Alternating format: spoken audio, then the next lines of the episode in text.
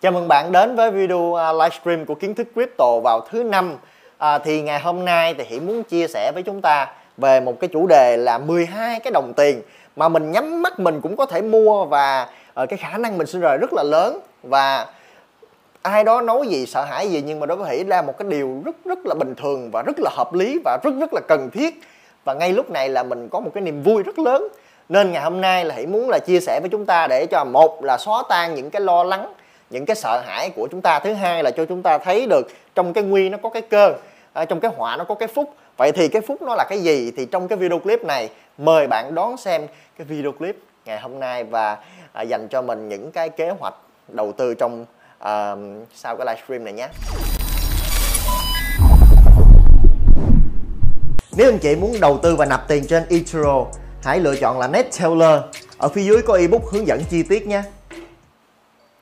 Rồi thì bây giờ á, cái nội dung cái chủ đề ngày hôm nay sẽ bao gồm là ờ, uh, 12 cái đồng tiền. Đầu tiên là Hỷ sẽ nói tới cái phương pháp trực tiếp luôn. Hỷ sẽ nói tới cái trực tiếp là những cái nào. Rồi sau đó Hỷ sẽ giải thích cho chúng ta là vì sao nha cả nhà nên cả nhà mình sẽ là rất là trực chỉ nha cả nhà à, hãy rất là thực tế không có uh, nói chi cho nó phức tạp đâu ha à, bây giờ thì hãy xin phép là cái uh, nếu mà bạn nào đó mà uh, muốn biết 12 cái đồng tiền này á, thì hãy có thông báo ở trên cái group uh, cũng như là cái kênh là nhà đầu tư eToro thì nó có một cái cái uh, cái channel. Thì bạn có thể tham khảo cái channel này là một lát nữa hãy sẽ comment lên trên đây hoặc là một lát nữa hãy sẽ để phần cái dưới mô tả. Bạn có thể vào cái dưới mô tả để mà vào trong cái cái này để mà mình có thể theo dõi thêm. À, tuy nhiên là ở đây hãy muốn cho bạn là 12 cái đồng tiền này bây giờ hãy sẽ trực tiếp hãy đi vào từng đồng tiền và hãy cũng sẽ nói về tổng quan cái thị trường. À, tất nhiên là hãy sẽ đi vào tổng quan trước đi rồi hãy sẽ nói tới 12 cái đồng tiền này. Rồi ha bây giờ hãy xin phép là bây giờ nhé hãy sẽ xin phép là trước khi mà hãy nói tới 12 đồng tiền này hãy phải tặng cho bạn một cái báu vật trước. Trước khi mà chúng ta đi vào cái cái 12 đồng tiền. Thì đó bây giờ nè cả nhà mình lưu ý ha là ở đây nó bao gồm có là cái nhà mình đọc được đúng không? Nó bao gồm ở ờ, ở đây là những cái ờ, một ở bên đây có nghĩa là đây là người ta hay gọi là lựa chọn á nó tốt hơn cần cù ha lựa chọn thông minh nó tốt hơn cần cù đúng không cả nhà? Vậy thì bây giờ mình có những cái lựa chọn có những bạn á, lựa chọn ở đây hãy sẽ ghi là 12 đồng tiền một lát nó hãy sẽ nói cho bạn.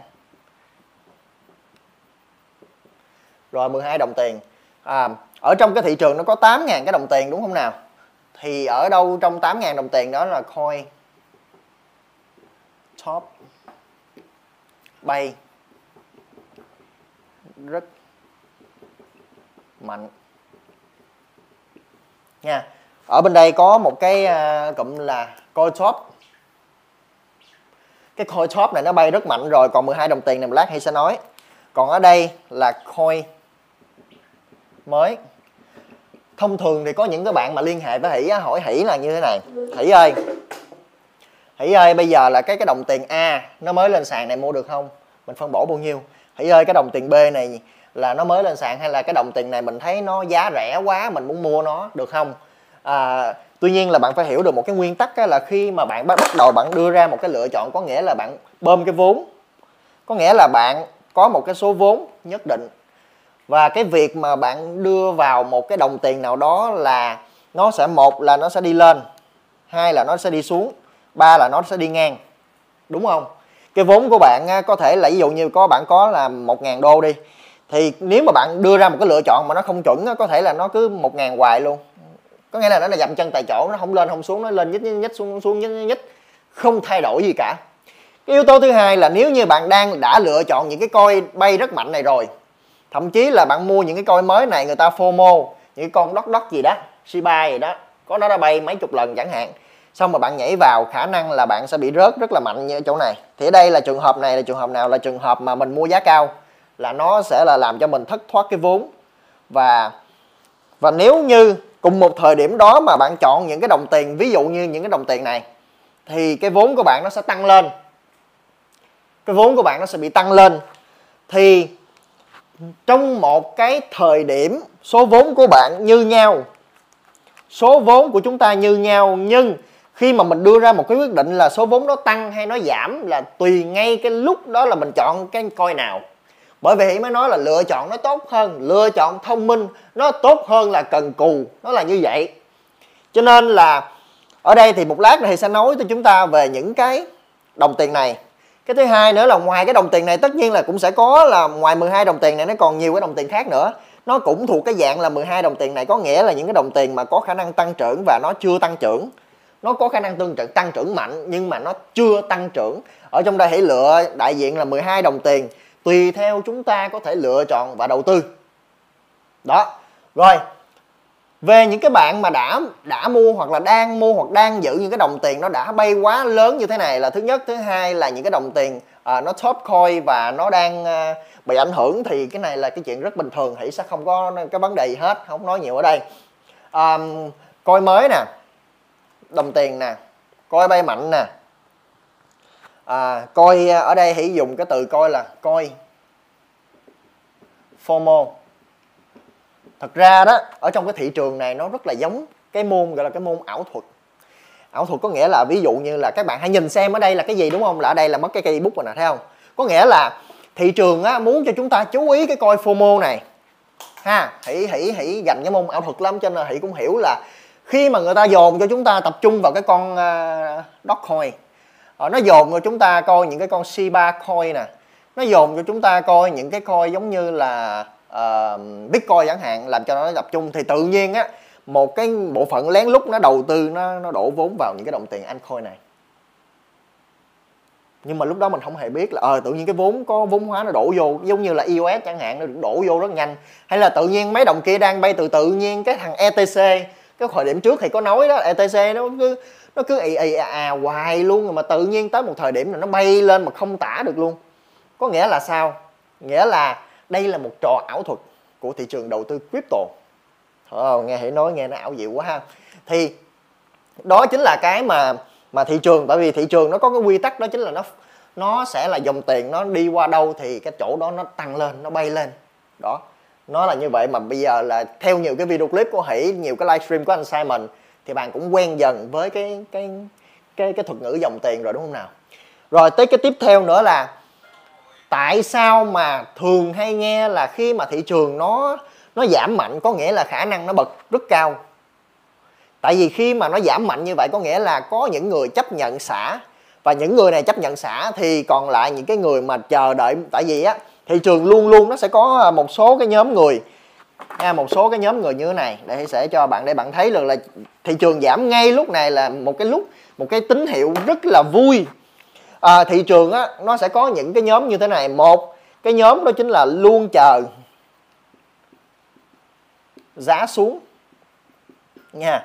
Có nghĩa là khi mà bạn ở trong cái nhóm uh, kiến thức crypto á trong đó cũng có rất là nhiều nhà đầu tư thì nhà đầu tư ở cái dạng này cũng rất nhiều. Có nghĩa là lỡ chốt lời mà bây giờ không có coi nào để mua không có dám mua cái coi nào cũng bay cũng cao hết. Thì một cái nhóm người mà luôn chờ giá xuống này rất là nhiều. Ngay tại những thời điểm này có những cái người như vậy và những người này thường là có cái uh, cái số vốn khá là lớn. Nha yeah. Ờ, uh, vẫn sẽ có những người là lời quá nhiều cho nên là sợ tâm lý giống giống như là hôm trước hãy chốt đồng ETC vậy đó. Chết rồi mình lời tới bảy tám trăm phần trăm rồi mình lời quá rồi thôi mình chốt thôi. Đúng không? Thì sẽ có cái trường hợp người ta sẽ có nhu cầu bán rất nhiều. Thì nếu như mà một cái người á cái cái người này sẽ rất đông tại vì á có những cái đồng tiền người ta lời tới vài vài vài ngàn phần trăm vài chục ngàn phần trăm thì cái tiền của họ rất là nhiều. Mà cái cái chung quy á, là cái cái lượng này nè nó sẽ rất là nhiều và cái số tiền nó rất là lớn. Giống như người ta lời đồng tiền A đồng tiền B đồng tiền C bây giờ tự nhiên ta có một đống tiền bây giờ có những đồng tiền nào giá rẻ thì người ta sẽ bắt đầu đổ vào. Và và nếu như mà họ đã chốt lời rồi họ im lặng họ chờ cho tới khi nào thị trường chảy máu. Đó là khi nào khi là thị trường mà nó đang chuẩn bị giảm ngay như trong những cái thời điểm này nè thị trường nó đỏ mà nó đỏ hết thị trường. Có nghĩa là người bán thì người ta cũng mua theo bán nhưng mà thật ra là người ta chờ cái giá rẻ người ta mua. Thì ngay cái lúc này cái số vốn lớn này rất là mạnh mà thông thường khi mà mình nghe phân tích kỹ thuật à, thì nói đây chính là cái gì? Cái cái điểm mà điểm hỗ trợ điểm hỗ trợ có nghĩa là cái điểm mà người ta đang có cái vốn nắm giữ đô, nắm giữ USDT nắm giữ BUSD rất là nhiều. Cái stable coin người ta nắm giữ rất nhiều. Và bây giờ cái việc của người ta là đổ vốn vào để nắm giữ những cái đồng tiền giá rẻ thì một trong những ờ, đó là ý tưởng là 12 cái đồng tiền. Đấy chính là cái cái lựa chọn này. Đó là lý do tại sao mà trong cái video ngày hôm nay thì muốn nói cho chúng ta về cái việc là đây là cái cơ hội cái thị trường nó giảm càng sâu thì cái khả năng những cái đồng tiền mà nó chưa bay á, nó sẽ bay mút cán. Và tất nhiên là những cái coi mới nó cũng sẽ bị ké theo.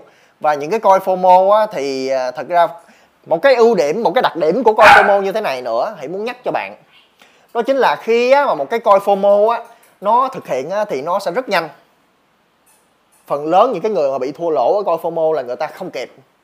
Bạn không kịp bạn bán giá tốt nhất và bạn không kịp bạn mua nó và bạn không kịp bạn xử lý nó là từ khóa không kịp. Bạn thấy là người ta FOMO và bạn mua vô, đúng không? Nhưng mà phần lớn là bạn sẽ không có xử lý, bạn không có mua hay là bán nhanh được. Không có kịp phản xạ với người đó. Nên là là có lời thì có lời đó, nhưng mà giống như đơn giản thôi là chỉ trong vòng một ngày, đúng không? Nó à, có thể là từ từ 10 đô nó lên được à, 150 đô. Nhưng mà ở giá 150 đô này tồn tại có 5 phút thôi là nó nó nhảy về đây nó nhảy về đây thậm chí là nó nhảy về xuống dưới này nữa.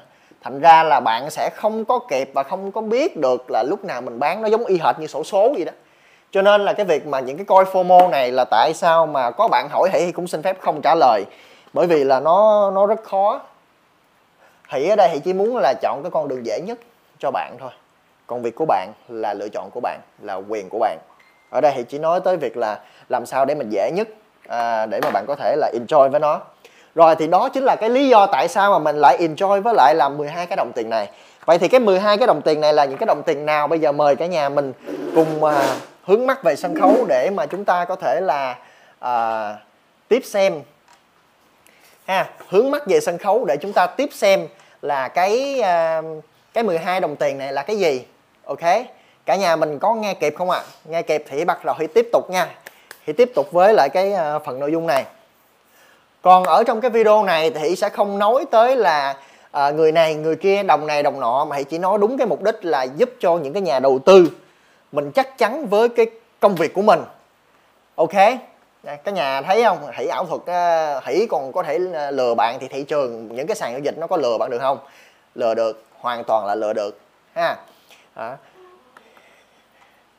rồi ok. Vì bây giờ hãy tiếp tục là hãy sẽ xin phép là bây giờ thì sẽ đi vào những cái đồng tiền mà bạn thấy là trong thị trường này nó là một cái à, một cái sự là đánh đánh gọi là đánh lừa cái thị giác.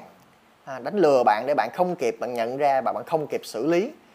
Đó và rồi ok bây giờ thì à, hãy sẽ um, đầu tiên ở trong cái danh sách hãy sẽ bật cái tôi xin phép là bật cái uh, màn hình ở đây thì đây hãy có cái à,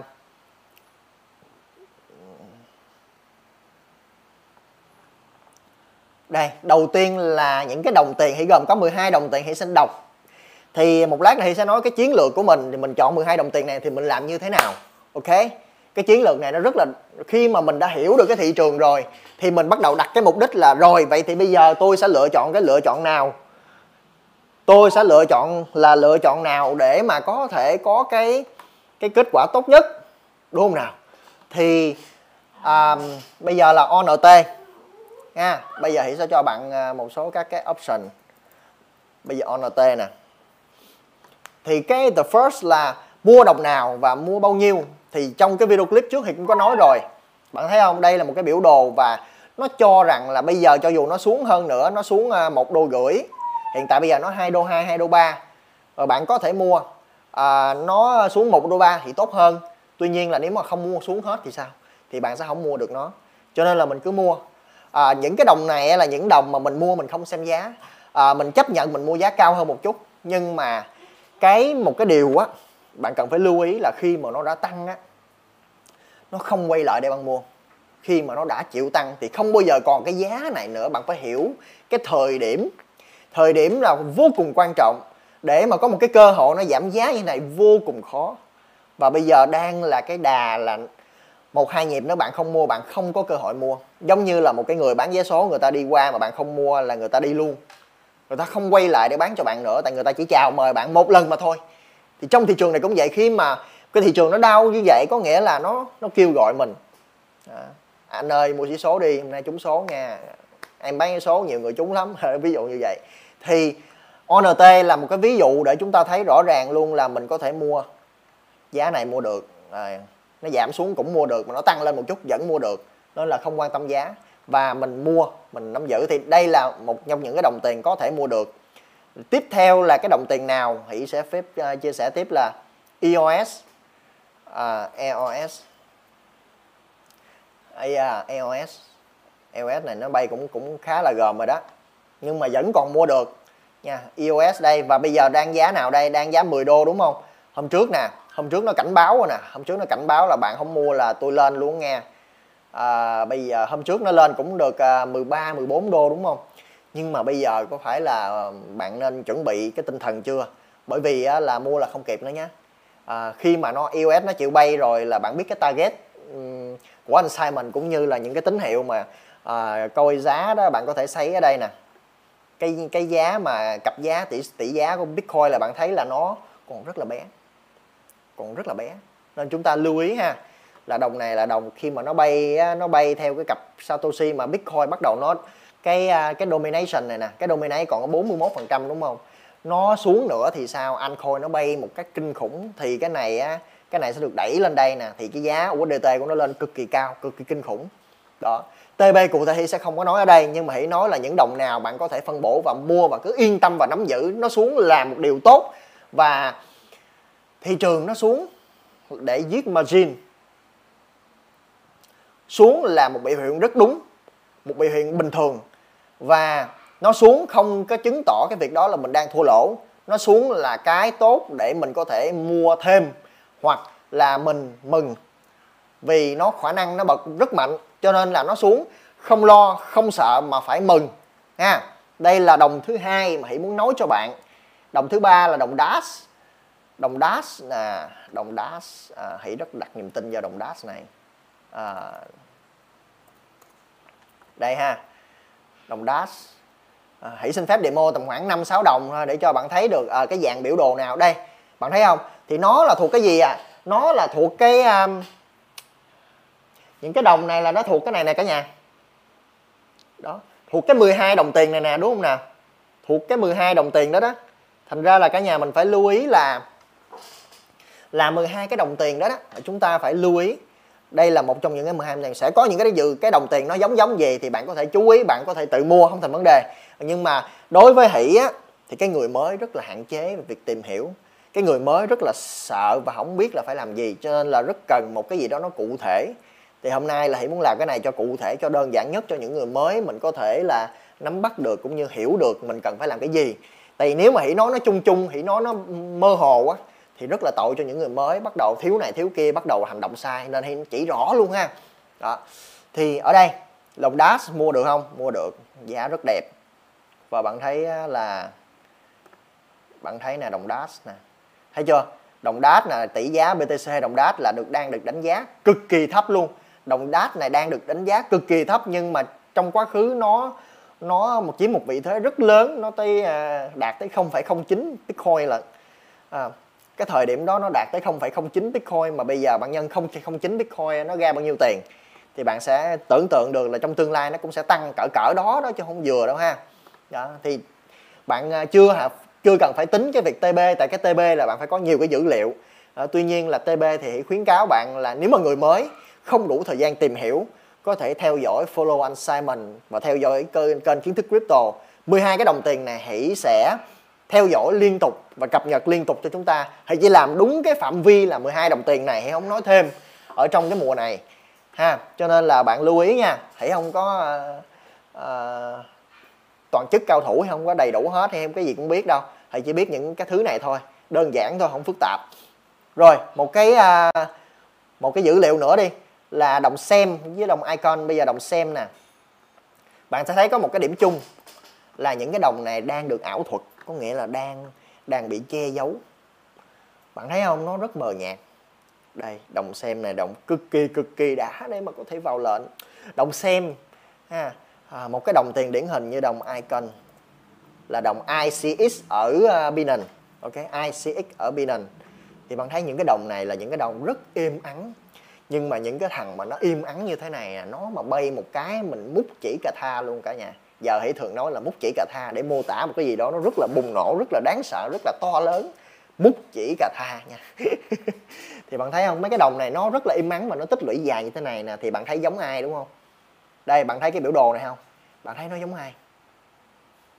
Bạn thấy nó giống ai? Hãy cho bạn xem à, nó giống ai ha. À, hãy cho một cái bạn à, bạn xem nó đang bị ảo thuật. Nó đã được ảo thuật rất lâu rồi. Bạn thấy nó giống ai? Có phải đồng icon nó, nó giống cái đồng này không? Và sau đó bạn thấy cái đồng ETC nó đi như thế nào không? Đó bạn thấy được trước chưa? Đó. Và đó thì đồng icon đúng không? À, hãy nói ở đây để mà nếu như mà bạn còn vốn thì bạn có thể bổ sung thêm nếu mà bạn đã mua hết vốn bạn mua những cái đồng này rồi nhưng mà bạn hết vốn rồi thì thôi khi nào đồng nào lời thì mình sẽ đổ sang những đồng mà nó chưa bay. Ở đây là 12 cái đồng tiền nha. Ờ, một lát thì sẽ nói tới cái next step nhưng mà hãy muốn nói cho bạn để bạn hiểu được. Không phải là mình mua hết tất cả đồng tiền này cũng không phải là là tại vì có đồng bay trước có đồng bay sau.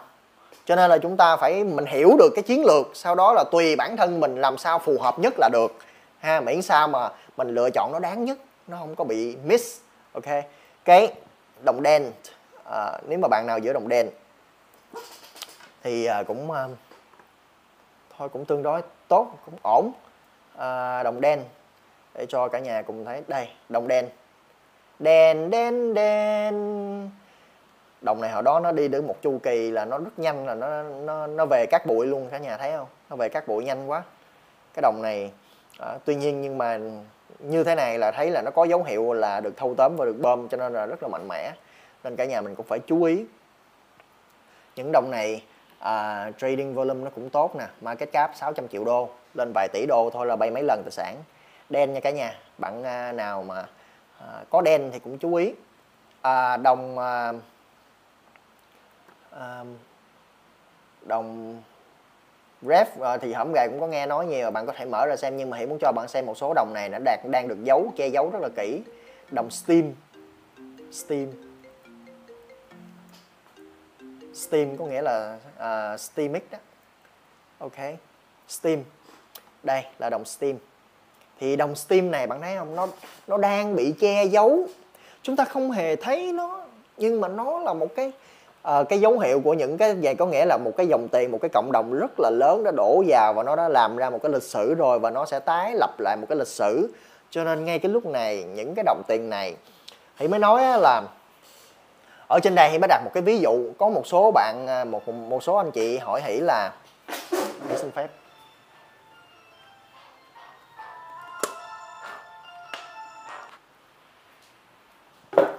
Anh chị nào gọi hỷ, nhưng mà hỷ xin phép là hỷ sẽ tiếp tục cái phần à, nội dung của mình để à, cho chúng ta kịp cái à, phần nội dung. Thì ở đây hỷ muốn so sánh cho chúng ta như thế này. Đối với thị trường á, đối với thị trường á, ở đây có thể là là là là kim loại mà gọi là hỗn tạp. Bởi vì nó rủi ro. Bởi vì có khả năng bạn mua nó thành cái cục đá. Nhưng mà ở đây hãy gọi nó là kim cương. Nhưng mà hãy nói là ở, ở cái thời điểm này thôi nha. Ở cái thời điểm này thôi. Ở đây có thể gọi là vàng. Gọi là, là cái này gọi là gì? Cái này gọi là hộp xoàn đi. Nhưng mà cái hộp xoàn này bây giờ khó nhai cái nhà hộp xoàn này mắc tiền không? Hộp xoàn mình phải mua là có thôi. Nhưng mà trong đây là là mình phải tìm. Kim cương là mình phải tìm, nhưng mà kim cương này bình thường đó là nó lẫn ở trong trong than nên là chúng ta tìm, thì mình tìm ở đây. Có nhiều bạn hỏi, tại sao mà không mua cái đồng tiền kia đi? Đồng tiền kia ngon hơn mà. Đồng tiền nọ đi, đồng tiền nọ ngon hơn mà, uy tín hơn mà, cộng đồng ngon hơn mà, công nghệ ngon hơn mà. Blockchain này nọ đang phát triển mà chuẩn bị testnet chuẩn bị có một công công bố một cái tính năng mới, một cái công nghệ mới. Tại sao không chọn cái đồng tiền kia?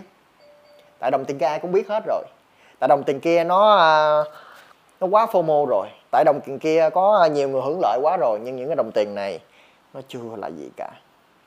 Nên là tại sao mà hãy nói là hãy chỉ enjoy với những cái đồng tiền nào mà mà nó đang bị đánh giá thấp hãy đang đi theo đúng một cái chiến lược của uh, cái chiến lược của uh, của Warren Buffett ha, của Warren Buffett. Nghĩa là những cái đồng tiền nào mà nó thật sự nó có giá trị nhưng mà đang bị đánh giá thấp thì chúng ta hãy lưu ý thật là kỹ không được phép bỏ qua những cái cơ hội như vậy. À, ví dụ như là đồng ARDR đi ha. Ví dụ như là đồng ARDR Ador Ador cái nhà mình thấy nè Đấy, kinh điển không? Nhưng mà à, thì cũng lưu ý với chúng ta là những cái cái cái biểu đồ nào mà nó thuộc dạng là nó dựng một cây xong đi xuống luôn á nó không có đi theo mà tà tà từ từ á thì cả nhà cũng phải uh, chú ý với nó nha. À, sẽ hạn chế hơn. Những cái nào mà nó nó lên nó xuống nó sai quay nó lên nó xuống nó sai quay mà nó nhiều cái con sóng á thì những cái đồng đó thì cái cái, cái khả năng nó sẽ đảm bảo hơn. Còn những cái đồng tiền này thì khả năng tăng trưởng rất mạnh nhưng mà nó cũng thuộc cái dạng là cũng điên điên. Cho nên chúng ta cũng phải hết sức chú ý ARK đây những cái đồng này chúng ta có thể mình à, mình chú ý đây ARK nhé cho chưa? Vẫn còn những cái kim cương ở trong cái thị trường này có thể mình mua mà mình sẽ đột biến không cần phải có những cái đồng tiền mới đâu. À, cái đồng tiền là BTS Pixel thì à, cái đồng Pixel này là một cái decentralized exchange. Đây, bạn thấy không? Ok, thì à, đó là một số những cái ví dụ. Ha, đó là những một số cái ví dụ. Thì trong cái 12 cái đồng tiền này nó nó sẽ có những cái đồng bay trước, những cái đồng bay sau. Ok bây giờ hãy sẽ nói qua đây. Sẽ có những cái đồng tiền nó bay trước sẽ có những cái đồng tiền nó bay sau. Được hợp hợp lý không? Ok không? Cái thứ hai nữa là nó sẽ có là trong 12 cái đồng tiền này sẽ có những cái đồng tiền mà vốn hóa nó lớn. Có những đồng tiền vốn hóa nó trung bình có những đồng tiền nó vốn hóa thấp. Thì nó cũng sẽ có ba nhóm như vậy. Thì đối với hỷ thì sẽ chia làm hai nhóm ví dụ như cái nhóm mà volume cao thì sẽ mua DAT nè EOS nè NEO. Vốn hóa lớn thì nó sẽ khả năng là nó sẽ được bơm sớm. Tùy nó thị trường nó cũng ngẫu hứng lắm. Có lúc thì nó chọn cái hai cáp có lúc thì nó chọn cái là mid cáp có cái thì nó chọn cái low cáp low cáp nó bay lẻ hơn. Đó. tùy à. Còn cái mà hiện tại bây giờ cái danh mục của hỷ bao gồm là EOS nè neo nè và ờ, uh, EOS nè neo nè và và và và dash đây là ba đồng mà hỷ chọn hai cáp đúng không? Còn cái gọi là cái kia hỷ cho chọn là ở trong cái danh mục của hỷ là là có ref nè ONT nè có NIA nè. Ở trong danh mục này hỷ có để NIA không ta? Y cha thì không có để NIA ở trong đây rồi. Thì uh, NIA à, à có NIA nữa. À, đúng ra là 13 xin lỗi. Ok thì hỷ có giữ NIA nữa.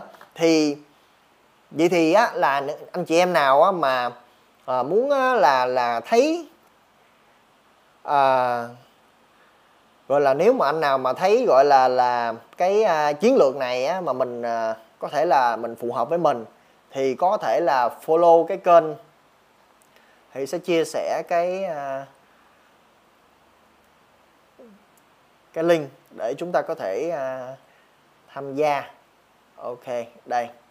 Và hãy có thể chia sẻ cái link ha rồi nếu mà bạn nào mà đã có kinh nghiệm đây và một lát nữa bạn có thể là vào trong cái à, link ở phía dưới cái à, livestream này có cái đường link để mà chúng ta có thể tham khảo. Đó.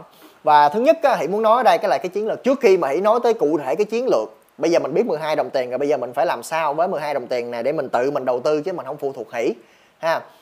À, thứ nhất là đây không phải là lời khuyên đây là cái hãy thấy trong thị trường và hãy cho bạn nhìn thấy. Bạn vẫn tự quyết định đầu tư. Bạn vẫn tự đầu tư, bạn không có đưa hỷ cái gì hết. Bạn hãy không giữ tiền của bạn.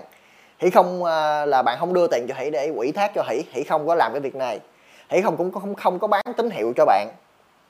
Hãy không có nhận gì của bạn hết. Đó là thứ nhất. Thứ hai là theo thực tế thì những cái đồng tiền này là những đồng tiền có thể mua và khả năng rủi ro thấp nó vẫn có rủi ro, bạn đầu tư crypto là bạn phải hiểu luôn là cái rủi ro nó có. Và hiện cũng không khuyến cáo những người nào vay nợ đi, mượn nợ đi, vay ngân hàng để lấy tín dụng ra đầu tư. Tuyệt đối là hãy khuyến cáo là không nên, nha. Cái gì thì cái đó là là không nên. Thứ hai nữa là bạn đầu tư, bạn phải chuẩn bị cái sự kiến thức. Hãy nói là một chuyện, tuy nhiên là bạn phải xem xem cái đồng tiền đó như thế nào. Nếu bạn có thời gian, bạn xem à, bạn research xem nó là cái gì giá nó như thế nào cái kế hoạch của bạn. Theo cái chiến lược của hỷ thì bạn sẽ như thế nào? Bạn cần những cái gì? Bạn phải chủ động để mình học hỏi thêm. À, bạn xem nhiều video clip hơn bạn có thể tham khảo nhiều cộng đồng khác nhau. Nếu bạn có thời gian thì bạn cứ thoải mái. Và hỷ không có ờ, hỷ không có lừa bạn để mà tham gia vào một cái dự án nào hết là thứ nhất. Hỷ không có lừa tiền bạn là thứ hai. Hỷ làm hỷ nói chuyện này rất là nghiêm túc lịch sự đàng hoàng không có không có gọi là là kêu gọi vào một cái đồng tiền FOMO nào hết là thứ ba. Những cái đồng tiền của hãy là nó có cơ sở an toàn cho bạn là là hãy nói với bạn là trong thị trường này là ở cái lúc này là hãy là cái người muốn giúp bạn đó. Nhưng mà quan trọng nhất là bạn có nhìn ra hay không mà thôi ha. Rồi à, thì bạn thấy là những cái đồng tiền nào mà đang bị ngủ quên đó, thì là nó là cái cái cái cơ hội tiềm năng của bạn đó. Nhớ nha à, tất cả các bạn mà đang xem livestream này mà thấy thích hỷ thấy hỷ dễ thương thì à, bạn chỉ cần à, làm một cái hành động à, là hỷ cảm thấy rất là thích thú rồi là bạn like cái video clip này bạn comment và bạn share cái video clip này cho bạn bè của mình thôi để cho bạn bè của mình sẽ có thêm một cái góc nhìn nữa để sau này á à, nếu như mà hỷ mà lỡ mà hỷ nói đúng đi hay là lỡ mà hỷ nói chuẩn đi thì à, bạn nói thấy chưa? Hồi đó kêu mày nghe video clip của ông hỷ là được rồi. Ờ, à, mày nghe thôi mà không cần làm theo đâu. Nhưng mà mày xem xem ông hỉ nói thì sao xem xem ổng làm sao xem xem là là ổng nói đúng hay không. Nếu làm theo thì sao? Mình không cần phải làm theo đâu. Nhìn kết quả đi. Ha. Ờ, đừng có tin hỉ vội mà hãy làm theo kết quả. Khi mà có kết quả rồi hãy tin vào nó đừng tin hỉ ha, và ở thời điểm này nó là như vậy. À, trong cái thị trường đầu tư này á, là à, rất là hiểm ác cho nên là đừng tin ông hỉ ha, đừng tin hỉ rồi vậy thì bây giờ nếu như mà như vậy đi thì cái chiến lược phải như thế nào? Cái chiến lược đầu tư bây giờ 12 đồng tiền đó bây giờ là tôi có ờ, 1 ngàn, 2 ngàn đô, tôi có 2 ngàn, 3 ngàn đô thôi. Rồi ờ, nhiều đồng tiền vậy tôi biết chọn đồng tiền nào. Thì bạn có thể là chọn vài đồng tiền bạn chọn. Bây giờ thì cái cái cái kế hoạch hay sẽ chia sẻ cho bạn ha. Là vậy thì cái cái phương pháp bạn sẽ phải là vận hành như thế nào? Thì bây giờ hãy xin phép là được uh, bôi cái bảng để mà hãy có thể là à, chia sẻ cho bạn là cái chiến lược của mình nó như thế nào. À, thì ở trong cái à, lát nữa là bạn à, xem xong á, là bạn xem lại video và bạn sẽ có cái phần mô tả thì sẽ cập nhật thêm cái link group để bạn có thể vào đó để bạn à, theo dõi. Cái đầu tiên là mua mua coin. Đúng không? Cái thứ hai mua coin là là từ 3 đến 5 rồi. Chốt lời. Thì cái thuật ngữ chốt lời á thì à, các bạn có thể là là bình thường mình nghe trên các cái group á, nó là TB có nghĩa là take profit nghĩa là chốt lời. Thì cái này á, là à, à, uh, uh, KTC hoặc là anh Simon. Ảnh sẽ thường xuyên livestream để mà nói về cái TB của một cái đồng tiền nào đó khi anh nhìn cái dữ liệu khi anh hiểu được cái giá trị dòng tiền của nó khi anh thấy được cái nội lực cái tiềm tiềm tiềm ẩn của nó về cái dòng tiền cái khả năng tăng trưởng và cái sự chuyển biến của dòng tiền từ các cái đồng tiền lớn như là Bitcoin, Crypto, Ethereum hay là cái đồng tiền USDT dùng đồng tiền stablecoin đổ vào những cái đồng tiền nào khả năng tăng trưởng của nó tới đâu thì mình sẽ biết được cái take profit này ở trong thị trường này thì anh Simon là nói cái phần đó là là cơ sở của anh ấy là nhìn thị trường rất là chuẩn rồi đó. và cái thứ ba nữa là à, cái thứ ba nữa là tái cơ cấu. Thì cái chiến lược của mình như sau thì cũng giống như là hỷ cũng đang sử dụng như thế này có nghĩa là hiện tại là hỷ mua hiện tại bây giờ là hỷ chia làm hai. Hỷ có là EOS hỷ có là DAS hỷ có là NEO. Ở dưới này hỷ có là ONT hỷ có là à, NIA. Đồng NIA hãy chưa đưa vô. Hãy có đồng uh, um, ref. Hiện tại nếu mà mấy cái đồng tiền này nè có cái đồng tiền nào mà nó bay trước hay có lời á mà nó lời là đủ đã rồi đó thì mình sẽ đổ sang mình mình thêm những cái đồng tiền như là steam. Đồng steam. Đó và bạn bạn bạn thấy ở trong cái danh sách là nó có hết những cái đồng tiền này.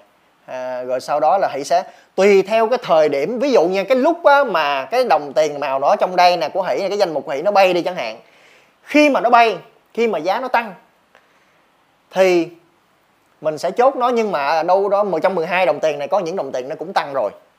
Thì sẽ còn trong bây giờ ngay tại thời điểm này nó có 12 cái lựa chọn đúng không?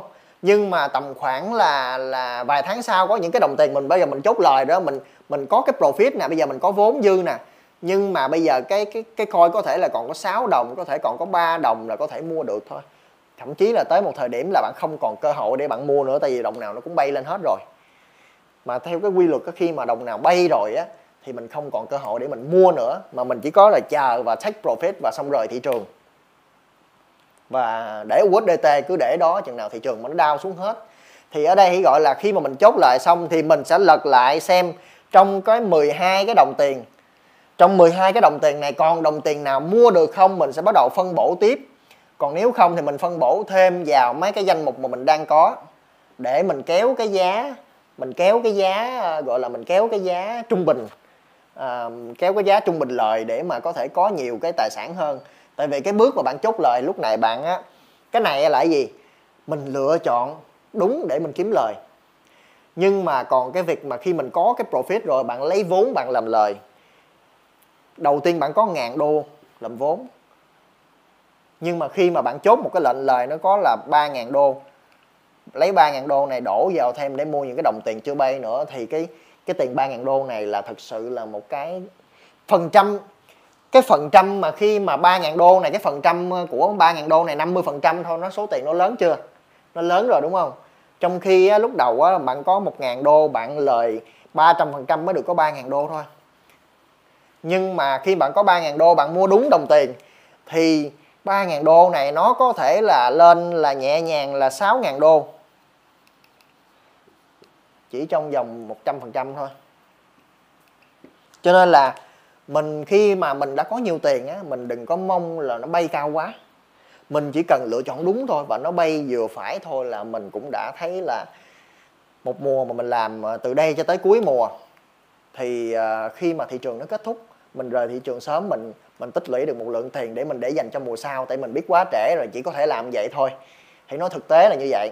Bây giờ bạn đã, cái cái sống cái sống mà tốt nhất mình đã miss rồi. Nghĩa là thị trường nó ảo thuật nó ảo thuật trong cái mùa đau trend là giá nó rẻ quá mà không ai biết hết. Cho tới khi mà nó bay quá trời bay thì chúng ta mới bắt đầu tham gia thị trường. Thì cái đợt đó đó người ta đã kiếm bộn tiền rồi á, thì chúng ta vẫn chưa kiếm được cái gì hết. Hãy nói chuyện với người mới nhé bạn nào mà cũ mà kiếm được nhiều tiền rồi thì đừng có ném đá hỉ. Những người mới thì bây giờ chúng ta thực sự mà bạn muốn đầu tư vào thị trường này thì bạn phải hiểu được là mình phải chịu thiệt thòi là thứ nhất. Do mình biết trễ là thứ nhất là phải không? Thứ hai là mình phải biết khiêm tốn. Mình biết dừng tham lam, mình biết hiểu thực tế. Nha, mình không có xem ví của người khác, mình không so sánh mình với người khác nữa, không so sánh mình với cái người đã chơi ở đầu mùa. Họ đã có chuyên môn, có kiến thức lâu rồi, mình không so sánh với họ. Được không nào? Và thứ tư nữa là mình không có hy vọng, mình không có cầu mong quá, mình không có tham lam quá. Mình phải biết giới hạn cái lòng tham của mình và mình không có gấp gáp quá mình đừng có gấp gáp thị trường này nó không có gấp được. Ha. đó là cái thực tế ở thời điểm này. Thì nó gồm có 3 bước. Bạn nắm giữ mấy đồng tiền này thằng nào lời thì mình chốt sau đó mình xem lại trong cái danh sách 12 đồng tiền này như thế nào thì ra. Thì cái khi nào mà chốt cái đồng lời đó đó thì bạn có thể theo dõi à, có ở đường link ở phía dưới thì sẽ có link Facebook của anh Simon à, link KTC cái link à, channel và group của KTC bạn có thể tham gia bạn trao đổi bạn giao lưu. Tất nhiên là bạn có thể tham khảo bất kỳ đâu. À, thì không phải là mình định hướng chỉ là mình có một cái dữ liệu bạn lựa chọn thôi.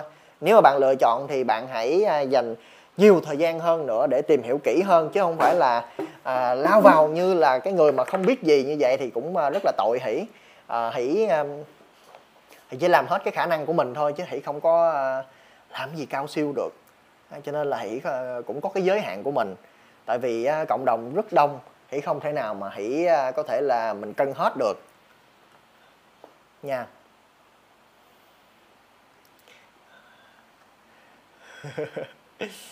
Ngày hôm nay thế là quá biết ơn cả nhà luôn. Công nhận là thị trường mà đỏ như thế này, mà cộng đồng cũng hăng sai như thế này, rõ ràng luôn là hỷ thấy là một cái điểm là như thế này hãy muốn chia sẻ nè. Cái thời điểm mà thị trường mà nó tăng trưởng á thì rất đông người xem livestream.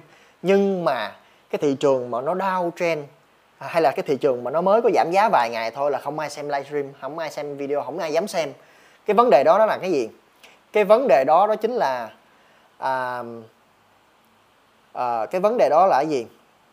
Báo hiệu cái việc là dù có giảm giá nhưng vẫn đông người quan tâm có nghĩa là thị trường đang rất là thu hút thị trường đến mức mà cái người mà đang làm văn phòng cũng quan tâm. Một người bán rau cũng quan tâm, có nghĩa là thị trường nó đang thu hút rất là màu mỡ, đang rất là hấp dẫn. Nó quá hấp dẫn luôn, người người nhà nhà đang tìm hiểu cách tham gia thị trường. Thì đó chính là cái lúc bùng nổ của thị trường. Đó. Và bạn biết trong 8.000 cái lựa chọn thì chỉ chọn ra 12 cái để cho bạn dễ nhìn nhất. Đó là những cái ví dụ điển hình cho việc là cơ hội vẫn còn ở đó. Và đó là lựa chọn của bạn và hãy là đưa ra cái lựa chọn an toàn nhất dễ dàng nhất cho người mới thôi ha. Còn cái việc mà cũng là cái đồng tiền đó nhưng có người mua lời nhiều có người mua lời ít thậm chí có người mua lỗ là do ở bạn. Nên là hãy chỉ có thể là mình đưa ra một cái kế hoạch rõ ràng như vậy thôi. Đó. còn những cái đồng tiền có ngoài ra còn những cái đồng tiền khác như là Ripple như là John những đồng tiền mà uh, volume lớn trong thị trường này, thị trường mà mà volume lớn khi mà nó lan lên quá cao thì bạn phải follow anh Simon để lấy được cái TB để mình hiểu được cái thị trường nó như thế nào. Và khi mà nó downtrend nó cũng phải rút xuống và nó đẩy lên, nó rút xuống, nó đẩy lên, nhưng mà nó đi theo bậc thang mà nó đẩy xuống như thế này. Cả nhà mình phải lưu ý. Và ở ngay cái lúc này thì cũng có nói trước thì chúng ta hãy rất là sợ cái việc là khi mà thị trường bắt đầu bất ổn, khi mà thị trường bắt đầu sụp đổ thì bạn phải nhận ra kịp. Nên là trong những cái thời điểm này, bạn chịu khó, bạn xem video, bạn xem cập nhật bạn xem livestream của anh Simon bạn nắm bắt tình hình để luôn biết là tình hình bây giờ nó đang ở đâu. Ngày hôm nay hãy cho bạn thấy cái này là bạn rõ thị trường nó mùng một rồi đó. Quan trọng là bạn hiểu được nó. Còn việc là khi mà hãy nói là bây giờ à, cả nhà ơi bây giờ tiền nào nó cũng bay hết rồi bây giờ không còn cơ hội nữa rồi bây giờ chốt lời ra đi. Lúc đó thì bạn đừng có tham lam. Hãy nhắc trước với bạn luôn là bạn hãy lúc đó mà tự nhủ gồng lần mình rằng là khi mà hỉ về Simon anh Simon mà có thông báo là thị trường bắt đầu là sụp đổ, thị trường tiêu cực. Lúc đó là chúng ta nên là chốt lời và trời cho nhiêu, lấy nhiêu, thị trường cho nhiêu, lấy nhiêu. Đó là những cái phúc của mình. Mình có đủ nhân duyên, mình được hưởng. Thì mình đừng có để cho nó bị tiêu tan bởi cái sự tham lam của mình. Nhiều người bị cái trường hợp này. Giúp một người mà kiếm được nhiều tiền là điều quan trọng, nhưng mà khi mà người ta kiếm được nhiều tiền rồi thì cái việc mà giúp người đó mà giữ được cái tiền đó đó hãy sẽ tập trung cho cái vế hai đó, đó là làm sao giúp cho người đó là giữ được cái lời của mình. Hãy mong muốn là cái điều đó đó. Nha. Tất nhiên là hãy sẽ không có muốn là làm cho ai bị mất tiền hết. Đó. tuy nhiên là ai cũng vậy hết cũng sẽ là là nhưng mà hãy quan trọng nhất là hãy muốn cho bạn cái niềm tin là ngay lúc này những cái đồng tiền nào có khả năng sinh lời cho mình và mình tự tin mình thoải mái nằm on ngủ ngon mình nằm ngon một cái à, một cái gợi ý mà hôm trước thì cũng có comment lên trên group á là như thế này. Nếu mà anh chị em nào mình rảnh quá mình không có thời gian gọi là mình dư thời gian quá mà mình đã mua hết tiền rồi mình đã vào coi hết rồi thì bạn có thể là à, mình làm đẹp mình chăm sóc da mình ngủ sớm mình làm sao cho tại vì lúc đó là mình chuẩn bị mình phải chuẩn bị tâm thế cho mình việc là mình lợi nhuận mình sắp tới sẽ rất nhiều. Lúc này mình có thể nghỉ ngơi về corona mình có thể nghỉ ngơi để mình có thể chăm sóc sức khỏe của mình mình làm việc nhà để mình xây dựng hạnh phúc gia đình, giống như hỷ nè. Đó. mình gọi điện cha mẹ cha mẹ vợ, cha mẹ chồng. Mình chăm lo, đó. mình trọng cái sức khỏe của mình mình tập thể dục để lấy cái sức khỏe, ăn uống cho đàng hoàng. Mình mà không tỉnh táo, không thể nào mà chịu nổi được cái lời trong thời gian tới đâu. Rất đáng sợ. Nên là thời gian của bạn đáng nhất là cho những cái việc cá nhân của mình. Đừng có mở trạc lên nữa đừng có cắm điện thoại nữa ha. Và cầm thì mình cũng mặc định luôn là ờ, ở tôi coi chơi thôi nó xuống thì tôi mừng nó lên thì tôi cũng vui. Thị trường cỡ nào mình cũng nói. Còn việc mà bạn khi nào bạn bán xem uh, kiến thức crypto xem livestream của anh Simon biết thêm chi tiết về TB về thị trường để thoát ra. Đó. nếu như mà mùa này bạn lời ít không sao. 3 năm sau bạn có cơ hội bạn lợi rất lớn thành ra bây giờ cũng là thời điểm chuẩn bị và cái mùa này coi như là nếu mà bạn bạn mà không follow hỷ cũng không sao. Bạn hãy chờ đi. Nếu mà mùa này mà hỷ hãy định hướng mà bạn thấy nó chuẩn, thì mùa sau bạn tin hỷ, bạn làm cũng được. Mùa này bạn không kiếm được ờ, vài vài vài chục triệu, vài trăm triệu, vài tỷ, thì mùa sau 3 năm sau bạn có thể kiếm tiền như vậy. Không thành vấn đề. Một năm bạn đi kinh doanh bạn cũng kiếm một có bao nhiêu tiền đâu thế thế thì 3 năm sau đi, mình kiếm một lần đã lắm. Tại thị trường thị trường này nó chỉ có đúng là nó tồn tại 6 tháng, một năm là nó huy hoàng thôi. Còn lại nó sẽ le lỏi và nó âm thầm nó biến mất. Giống như năm 2018 2019 thì năm 2022 2023 2024 sẽ có thời điểm nó như vậy. Bạn biết trước được cái thị trường này luôn. Thị trường mà dữ liệu số là nó có dữ liệu hết, nó không nói dối được và mình biết trước được tương lai. Đó là cái đặc điểm nó khác với thị trường bất động sản nó khác với thị trường kinh doanh khác với thị trường mà mình cần phải là có những cái dữ liệu thật. Ở đây là dữ liệu online nó có hết. Nên đó là một cái lợi thế rất lớn.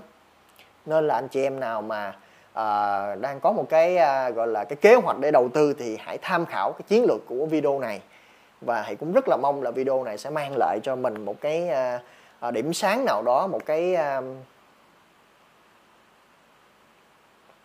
à, và hãy cũng mong muốn là ngoài cái thông điệp á, là là mang tới cho chúng ta một cái cái định hướng như vậy thì hãy cũng muốn á, kêu gọi cộng đồng hãy gia tăng cái hiểu biết ngay cái lúc này. Nếu mà mình mình đầu tư mình phải thứ nhất là mình chịu trách nhiệm về cái quyết định hành động. Tại vì đầu tư crypto là một thị trường rủi ro là thứ nhất. Thứ hai là mình phải có hiểu biết để mình giảm thiểu cái rủi ro cho mình và thứ ba là mình kiểm soát cái tiền của mình á, phải là tiền mà nó có thể là đầu tư mà nó có trách nhiệm mình phải xin phép nếu như mà cái tiền đó là của chung. Vợ chồng với nhau thì phải bàn bạc lẫn nhau. Nếu như mà em ơi bây giờ là anh là quyết định là anh đầu tư cái này bây giờ anh cần cái sự đồng ý của em để anh bắt đầu anh vô cái thị trường này. À, anh đầu tư trăm hai trăm triệu gì đó thì em thấy làm sao? Nếu được thì anh làm nếu mà lời thì mình có thể là mình lên tiền tỷ mình có thể là cái cơ hội mình mình ờ, mình tích lũy một cái số tiền lớn à, nếu mà mất thì mất một hai trăm triệu này thì mình cũng chấp nhận luôn. Thì em thấy làm sao? Nhưng mà cái thời điểm là cái thời điểm này là cơ hội 3 năm mới có một lần thôi em. Mình trình bày rõ ràng với vợ với chồng của mình. Mình trọng vợ trọng chồng như trọng khách quý. Như vậy mới sống mới thọ được. Một cái người mà bất ổn gia đình suốt ngày cãi nhau không có làm ăn được đâu cũng không có đầu tư được đâu. À, cãi nhau vợ chồng ly dị phải rút tiền đầu tư về là coi như xong. Cả nhà lưu ý nha. À, cũng như là mình nếu mà mình chưa có gia đình thì à, mình thoải mái thì mình phải hỏi người lớn. Đó để tránh cái trường hợp sau này cái gì cũng lôi mình ra la. Do là mình làm mình không bao giờ báo cho ai hết mình không nói cho ai hết ha. Đó sắp tới nếu mà mình mình lỡ mình có nhiều tiền mình cũng bị la luôn á thật. Rồi cái nữa là à, không có dùng tiền tín dụng không có dùng tiền vay tiền mượn đầu tư hãy nói thật sự luôn. Hãy biết chắc luôn sẽ có người làm như vậy nhưng mà thì phải nói là bạn là bạn phải hết sức tỉnh táo hãy làm sao để mà đừng có vượt cái kiểm soát. Nghĩa là nếu như mà mình lỡ mà mình mượn mà mình bị lỗ đi thì mình vẫn có thể là còn cái đường lui. Chứ đừng có kiểu giống như là một lần mà hoặc là lên hoặc là lên mây hoặc là xuống xuống biển. Hoặc là bạn lên mây bạn nở hoa. Hay là bế tắc phải xuống sông à, cầu Sài Gòn đừng có xuống cầu Sài Gòn. Nếu mà cái lựa chọn nào mà có cái đường mà để xuống Sài Gòn thì hãy không hãy không chọn thà hãy chậm 3 năm nữa hãy kiếm tiền hiếm kiếm tiền. Chứ còn hơn là mình mất mất cái mạng của mình. Cái mạng này nó vô cùng quý giá. À, nó có thể là được tất cả mọi thứ cũng cũng từ cái đôi bàn tay của mình. Hết hết hết thôi. Không có phải là là gì hết. Và chúng ta đầu tư với cái sự rõ ràng với cái dữ liệu của thị trường với sự hiểu biết với cái kiến thức với cái chuyên môn. Không có phải là may mắn không có phải là hên xui nha cả nhà. Mình đầu tư là mình không có hên xui ở đây trừ trường hợp là có có cỡ như là mua vé số đi, bạn dùng một từ hên xui thì thôi, không sao. Nhưng mà đối với cái này không được như vé số. Đối với cái này không như casino, không như quýnh bài 13 số, không như bài tiến lên, không như bài xì dách. Mình không có tất tay, mình không có đấu với đối thủ. Mình là cái người mà đi theo thị trường thị trường cho nhiêu mình ăn nhiêu, cho nhiêu mình kiếm nhiêu, hết. Đừng tham lam, đừng đi trước thị trường, đừng mà kiểu như là nghĩ thị trường nó dễ xong mà mình cứ ý y. Đừng như vậy. Và anh chị em nào mà à, khi mà thị trường mà crypto này khi mình cốt lời xong mình có thể là đầu tư ở những thị trường khác. Thì nếu mà anh chị em nào mà muốn á, là sau này nha bây giờ hãy hãy nói tới nếu mà hãy bạn muốn làm việc với hãy muốn đầu tư cùng với hãy á à, thì à, bạn có thể tìm hiểu thêm về eToro ở phía dưới này cũng có đường link eToro hãy đầu tư ở trên eToro danh mục đầu tư của hỷ là đầu tư trên eToro và bạn có thể theo dõi cái danh mục đầu tư của hỷ ở trên đó. Và cũng tương tự như hỷ thì có nhiều cái chuyên gia đầu tư về chứng khoán về các cái thị trường như là là thậm chí là có ngoại hối nè à, có à, thị trường vàng nè. Ở trên đó có rất nhiều và nhất là thị trường chứng khoán. Thì cả nhà nào mà đầu tư trên eToro thì hỷ sẽ là cái người mà định hướng đầu tư cho bạn trong tương lai. Có thể mùa này bạn tập trung vào đầu tư crypto trên Ethereum cũng có những cái, cái đồng tiền crypto nhưng mà là dịch vốn hóa lớn mà thôi. Thì bạn nào á mà à, muốn á, thì có thể là là enjoy với lại cái cái à, à, đăng ký ủng hộ hỷ để mà đầu tư trên Ethereum hỷ sẽ chịu trách nhiệm hỗ trợ bạn trong thời gian tới luôn lâu dài luôn ha. Và còn nó thì hãy cũng nói luôn Ethereum là một cái gì đó nó rất là uy tín nó rất là chắc chắn nó rất là pháp lý nó chuẩn chứ không phải là uh, nói tầm bậy thì không có dám đầu tư đâu. Nói tầm bậy thì chắc chắn không bao giờ dám nói trên cái livestream này. Và nếu mà nói tầm bậy thì chắc chắn sẽ có nhiều người lên phàn nàn chứ chứ uh, những cái nhà đầu tư trên eToro mà cùng đầu tư với hỷ thì mọi thứ rất là là là ổn mọi thứ rất bình thường. À, bạn dành thời gian nhiều hơn để mà có thể là là enjoy với nó. Thì đó là một cái uh, thông tin. Và cuối nha cuối cái video clip này hãy muốn tặng cho bạn một cái báu vật. Tặng cho những người nào cuối cái video clip này một cái báu vật. Bạn có sẵn sàng nghe không? Cả nhà mình sẵn sàng nghe hãy hãy hãy like một cái like đi. Và hãy comment là mình muốn báo vật thì chia sẻ cho các bạn một cái báo vật ở trong cái thị trường đầu tư này. Nha. Bạn nào muốn báo vật comment là tôi muốn báo vật. Và hãy nhớ nha bạn nào mà nhận báo vật xong thì hãy là kết thúc cái video này thì hãy comment ở phía dưới cái video clip á về cái uh, về cái cảm nhận cái bài học mà ở trong cái cái cái livestream này bạn nhận ra được điều gì bạn comment ở bên dưới giúp hỷ ha. À, hãy tặng bạn cái báo vật này. Ở trong cái thị trường này đó cái báo vật này thứ nhất nhiều người á là không biết những cái cái đồng tiền kim cương trên này là thứ nhất nè. Thứ hai á, là không có biết tb á, là bao nhiêu mới chốt đâu toàn chốt non thôi người mới toàn chốt non, không có biết lời bao nhiêu để chốt mua tầm bậy và những người đó rất là dễ bị đu đỉnh. Nếu như mà không có một cái kênh, không có một cái thông tin, không có một cái dữ liệu, một là đu đỉnh, hai là chốt non. Đúng không? Ba là mua tầm coi, tầm bậy. Và cái vốn của mình có lớn nhưng mình mua coi tầm lâm chân rốt cuộc rồi rồi xong mà đổi qua đổi lại, rốt cuộc hết vốn. Đây là bốn cái dạng mà nhà đầu tư mới thường hay bị mắc đây là một cái báo vật để cho bạn biết đây là một cái con đường rất rõ ràng cho bạn. Và đây cũng là một cái cái dữ liệu ngày hôm nay là một cái báo vật dành cho những bạn của bạn, những người bạn của bạn đang đầu tư. Bạn có thể, gọi là là mắt cho bạn của mình, hiểu về thị trường và giúp cho bạn của mình.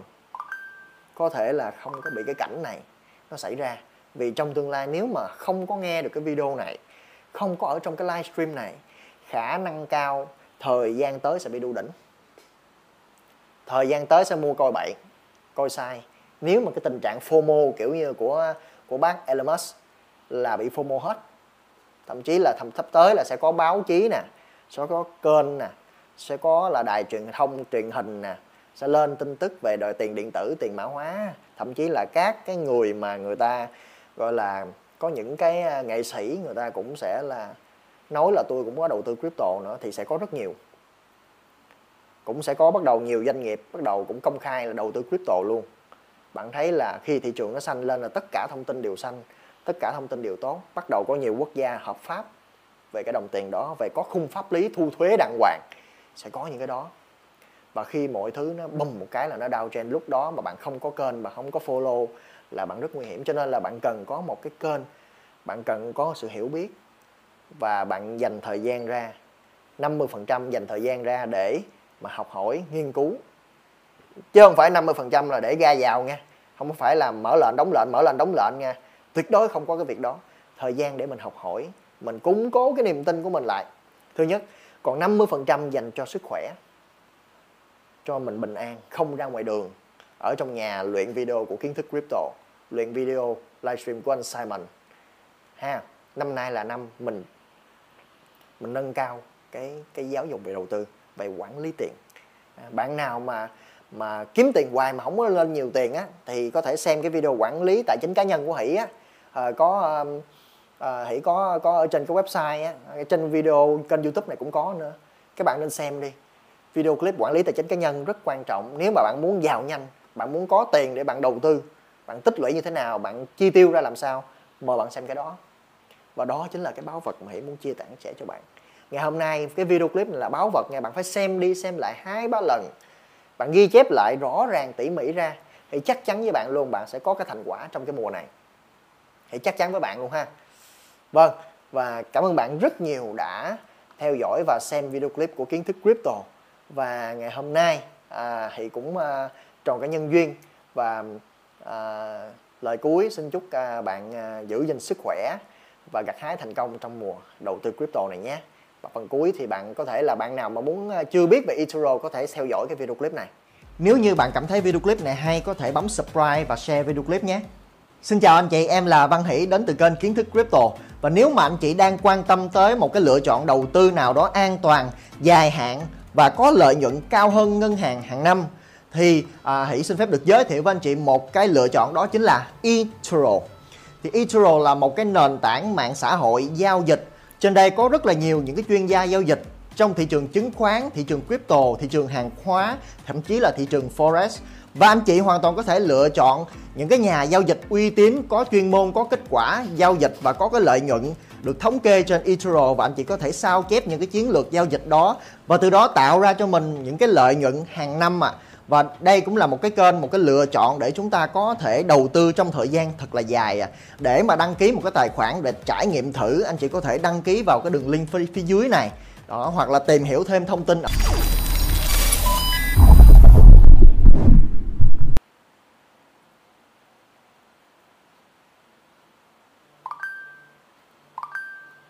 Nha. Ví dụ như trên eToro này bạn có thể theo dõi cái danh mục của hỷ à, hãy sẽ gửi cho bạn cái link ở bên đây và hãy sẽ chuẩn bị là hãy sẽ đưa cái link ở trong cái à, cái cái à, dưới cái mô tả của video clip này nhé. À, cả nhà mình à, ví dụ như ở đây cả nhà mình có thể là theo dõi cái danh mục này. À, đâu rồi? Đây Vida Smith Portfolio. Đây là danh mục đầu tư của hãy tên là Vida Smith nha. À, hãy có thể là để cái này cho đây cho bạn. Bạn có thể theo dõi cái danh mục này của hãy danh mục à, này hãy để tiền lớn ở trong này. À, nó lớn thì nó không lớn đâu nhưng mà à, đối với hỷ thì nó cũng đủ rồi. Đủ để sau này mình mình à, nhiêu đây đủ để mua xe mua nhà đó. Cho nên là bạn cũng lưu ý ha. Hãy mua EOS nè neo nè dash à hãy chia phần trăm ra 38 phần trăm 34 và 26 bao nhiêu đây mới đủ để mình kiếm lời nhiều nghe cả nhà. Khi nào mà đủ lời mình chốt mình à, mình tiếp mình tái tái cái dòng tiền tiếp đó thì uh, bạn có thể là uh, tìm hiểu thêm về eToro nhé. Và video clip uh, ok. Video clip uh, đến đây hãy uh, xin phép đã được uh, kết thúc. Uh, xin chân thành cảm ơn và hẹn gặp lại bạn trong những cái uh, livestream tiếp theo. Nhớ là comment ở phía dưới like và share cho bạn bè mình nhé. Xin chào uh, nhớ tham gia group nha ở phía dưới.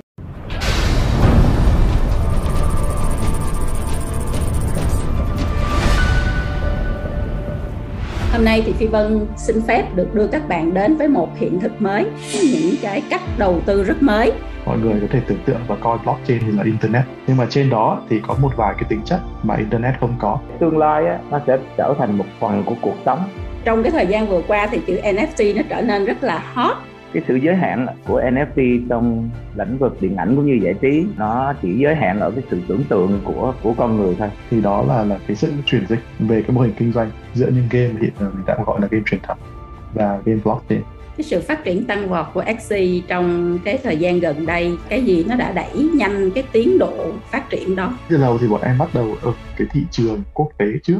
Người Việt mình thì thì thường là thích ờ, cái gì đó mà nó ngay lập tức nhiều hơn nên là rất là khó để xây dựng cái cộng đồng. Nếu nào Charlie nói về chắc cánh cho cái nền nghệ thuật giấc mơ đó nó sẽ nhìn ra như thế nào? Sẽ có hàng trăm tỷ không bị lãng phí và sẽ có hàng triệu khán giả không bị thất vọng. Có rất là nhiều ý kiến mọi người nói là cũng sẽ có một cái bong bóng NFT cái việc mà nó có phải là bong bóng hay không hay là nó lên xuống như thế nào nó cũng tùy thuộc vào cái zoom level. Cái điểm mà nó hơn ở đây là tính minh bạch của blockchain. Nó đảm bảo một cái sự an toàn và rõ ràng cho nhà đầu tư. Đứng từ góc độ người làm công nghệ thì trung nhìn thấy gì ở cái tương lai của kinh tế chia sẻ này? Cái thứ nhất về kinh tế chia sẻ á, là cái liquidity of value. Cái thứ hai nữa họ promote cái yếu tố cá nhân diễm màu nhất là nó không có ranh giới nó mang tính cộng đồng hóa cả một cái trái đất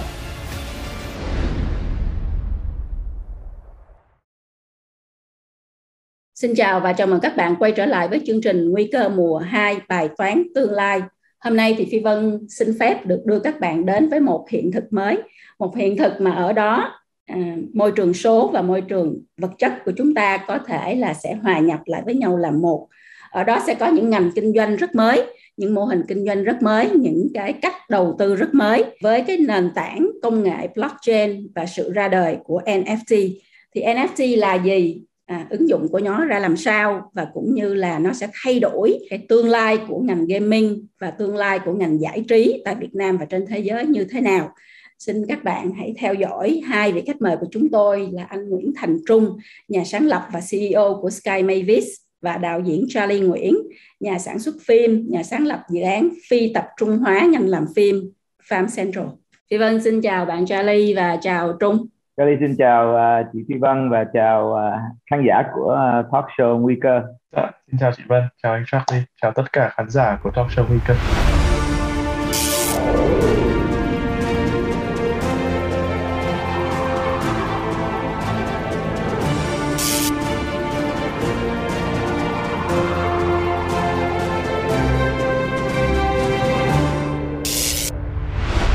Mình bắt đầu cái chương trình này á các bạn thì mình sẽ luôn luôn bắt đầu với một cái mini game.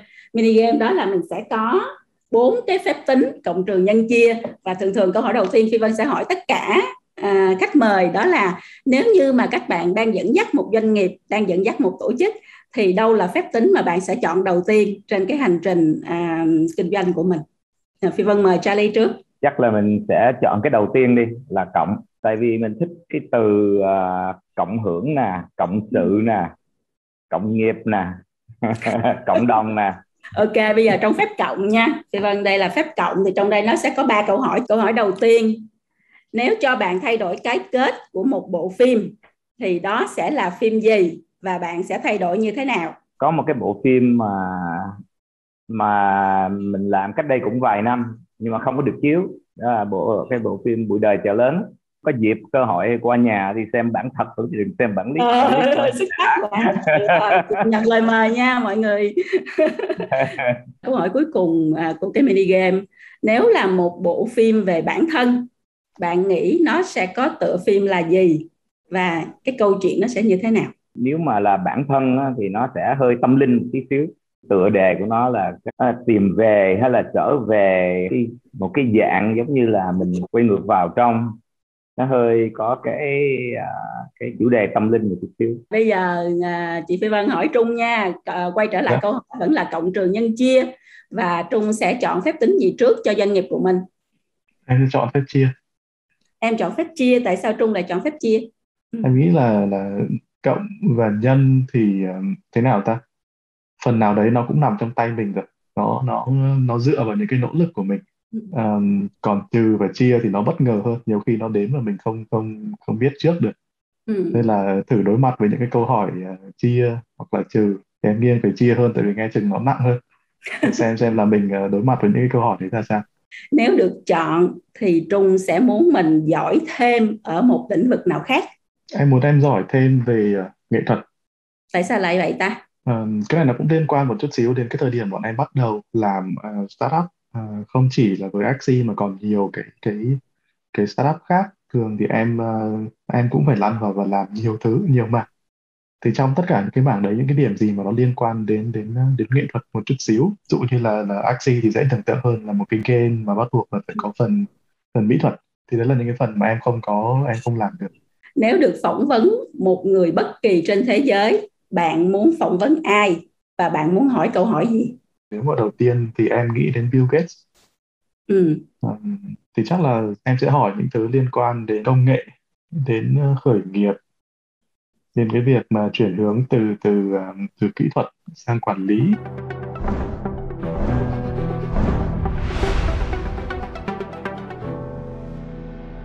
mình nói rất là nhiều về tiền ảo crypto rồi mình nói về công nghệ blockchain là công nghệ nền. Rồi rồi trong cái thời gian vừa qua thì chữ NFT nó trở nên rất là hot. Chị Phi Vân nghe chữ NFT đầu tiên là qua một cái tweet của um, của anh Elon Musk. Thì bây giờ để mà mình mở đầu cái buổi hôm nay cho mọi người có một cái nền tảng để hiểu cái câu chuyện của mình thì chắc là chị Phi Vân xin nhờ Trung trước. Trung từ góc góc độ là người làm về um, tech. Thì Trung có thể nói một cách đơn giản nhất, dễ hiểu nhất cho một đứa con nít 11 tuổi cũng hiểu được, thì sẽ là blockchain, nó là cái gì? À, rồi à, crypto, nó là cái gì? Rồi NFT nó là cái gì? Trước khi mình đi vào cái chương trình chính. Blockchain nếu mà để so sánh giống với cái gì nhất thì em nghĩ là blockchain coi như là là internet đi. Mọi người có thể tưởng tượng và coi blockchain như là internet. Nhưng mà trên đó thì thì à, thì có một vài cái tính chất mà internet không có. Trên đó thì blockchain um, nó có cái cái ờ, nhất là với public blockchain những cái blockchain và public ấy, thì nó đảm bảo được cái tính transparency tức là mọi người biết ở trên đó xảy ra những những những cái sự kiện gì. Rồi thì uh, tính chất là là immutable tức là cái gì đã xảy ra ở trên đó thì thì um, coi như là không thể nào mà thay đổi được. Đó thì là là những cái cái tính chất của blockchain. Nghĩ là tiền mã hóa thì um, giống như là tiền ở bên ngoài đời thực. Nhưng mà thay vì là được được cung cấp bởi những pháp nhân như là nhà nước thì tiền ở trong thế giới blockchain ấy, nhiều khi không chịu sự quản lý của bất kỳ cái cái cái pháp nhân nào cả mà sẽ được điều khiển phía đằng sau bởi thuật toán. Bởi toán học thì đó là tiền mã hóa hay là tiền kỹ thuật số cái cuối cùng là NFT khác với tiền một chút xíu nếu mọi người coi tiền như là những cái đơn vị giống y hệt nhau.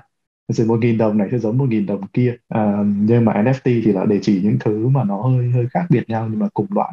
Ví dụ hai con người chẳng hạn. Tuy cùng là là là người đấy nhưng mà một con người này tất nhiên sẽ khác một con người kia. Thì NFT là để chỉ những cái sự vật mà có thể à, phân biệt được với nhau khác biệt với nhau như thế những cái sự vật mà duy nhất. Thì đó là NFT dựa trên những cái khái niệm mình vừa mới hiểu thì bây giờ cho chị Phi Vân hỏi là như vậy thì cuối cùng NFT cái hình dạng của nó ra làm sao trong cái mô hình kinh doanh của Trung và của Charlie tại thời điểm hiện tại? Chắc là cho Phi Vân bắt đầu từ Charlie trước. À, đối với uh, ngành điện ảnh thì à, uh, NFT cũng mới được ứng dụng vào một thời gian rất là ngắn thôi. Uh, ngắn hơn là bên game nhiều và hiện giờ thì nó đang phát triển hàng ngày. Ở đây mình có thể nó nó chia ra làm làm làm rất là nhiều nhiều nhiều thành phần. À, thứ nhất là chúng ta có thể NFT sản phẩm trí tuệ. NFT một cái tài sản kỹ thuật số trong đó nó có nhiều, rất là nhiều nội dung ở trong đó.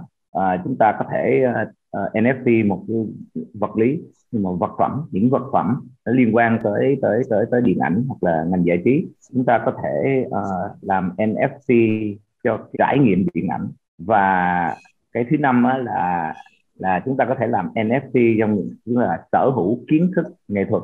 Như nãy mà Trung nói đó tức là muốn học thêm về nghệ thuật đó thì bây giờ chúng ta có thể làm NFT để mà chúng ta sở hữu những cái kiến thức đó cái sự giới hạn ở uh, của NFT trong lĩnh vực điện ảnh cũng như giải trí theo như những gì mà mình tìm hiểu uh, những thời gian gần đây nó chỉ giới hạn ở cái sự tưởng tượng của của con người thôi. Cảm ơn Charlie rất nhiều đưa những cái ví dụ rất là cụ thể dễ hiểu cho tất cả mọi người. Quay trở về với lại thế giới của Trung và thế giới của gaming thì không biết là NFT trong cái thế giới của Axie Infinity thì cụ thể nó nhìn ra làm sao hả Trung ha? Dạ, thực ra thì anh anh Charlie đã mô tả quá đầy đủ rồi, bao gồm luôn cả cái trường hợp của em rồi. À, trong thế giới của game thì bọn em xoay quanh nhân vật ở trong game rồi thì những cái đồ đạc vật phẩm ở trong game thì được uh, biểu thị bởi NFT. Thực ra em cũng đồng thuận luôn với ý kiến của anh Charlie đấy là mọi thứ nó nó chỉ được giới hạn bởi cái trí tưởng tượng của mình thật. Ngay từ đầu ấy, cái cái tên gọi NFT nó là cái tên gọi mà mà đó là một thứ rất là kỹ thuật uh, nó nó bắt đầu một bằng một thứ rất là kỹ thuật tức là mọi người đặt ra một cái chuẩn như thế. Cái chuẩn về về uh, về coding để mà có thể uh, biểu thị được những cái sự vật sự việc uh, khác nhau nhưng mà ở trong thế giới của blockchain. Thì uh, dần dà rồi mọi người uh, dùng cái từ đó dùng cái từ NFT đó một cái từ rất là kỹ thuật để mà gọi những cái cái cái cái sự vật sự việc như thế. Ngoài game với lại ngành giải trí mà à, mình mình có à, các bạn ở đây thì trung thấy nó còn có thể ứng dụng vào trong những ngành nào nữa? Thực ra mình ứng dụng vào bất kỳ cái gì cũng được đúng không? Tại vì rõ ràng là mình động đến bất kỳ cái hoạt động nào trong cuộc sống thì đều cần thiết là phải phải gọi tên phải đặt tên phải um, phải gán cho nó những cái mã số. Uh, nhiều khi là gắn được những cái mã số khác nhau để mà mình thao tác được uh, mình phân biệt được. Thì chính vì thế nên là là có thể ứng dụng ở rất là nhiều mặt khác nữa. Mình hơi technical chút xíu cho chị Phi Vân hỏi Trung là khi nói về metaverse á, thì thì anh anh Mark của Facebook anh sẽ nói là cái công nghệ nền công nghệ chính để mà đẩy cái sự phát triển của nó là công nghệ thực tế ảo. Nhưng mà à, tỷ phú Vitalik thì lại nói là cái công nghệ chính thực ra nó là blockchain. Và Facebook có thể đã sai không biết là Trung nghĩ gì về điều này. Em thì đồng thuận với cả Vitalik nhiều hơn là Mark. Một cái nó giống như là cái core value vậy của metaverse còn một cái thì giống như là cái cái cái presentation layer tức là cái phương tiện để mà mình thể hiện ra cho mọi người. Có thể thể hiện qua VR nhưng mà kể cả nếu mà không có VR mình trải nghiệm nó bằng uh, màn hình ờ, TV màn hình máy tính bình thường em nghĩ là cũng vẫn được blockchain thôi. Nhưng mà thực ra cái core value của nó đấy là sẽ là gắn được giá trị cho những cái sự vật sự việc ở trong đấy. Mình gọi tên mình định danh được. Giống như kiểu là mình số hóa được tất cả mọi thứ và nó được uh, được điều khiển nó được uh, được constrain bởi những cái cái luật ở trong thế giới blockchain và những cái luật đó là là là nhất quán và không thể nào mà thay đổi được không thể nào mà vi phạm được. Thì cái luật của thế giới đó mới là cái mà em nghĩ là là quan trọng hơn trong cái việc hình thành nên một cái thế giới metaverse. Còn cái presentation layer á nó không phải là là cái mandatory tức là tạm thời có cũng được không có cũng được. Tất nhiên nếu mà mình làm được á, thì nó sẽ biến cái cái cái cái trải nghiệm của mình nó nó thật hơn rất là nhiều.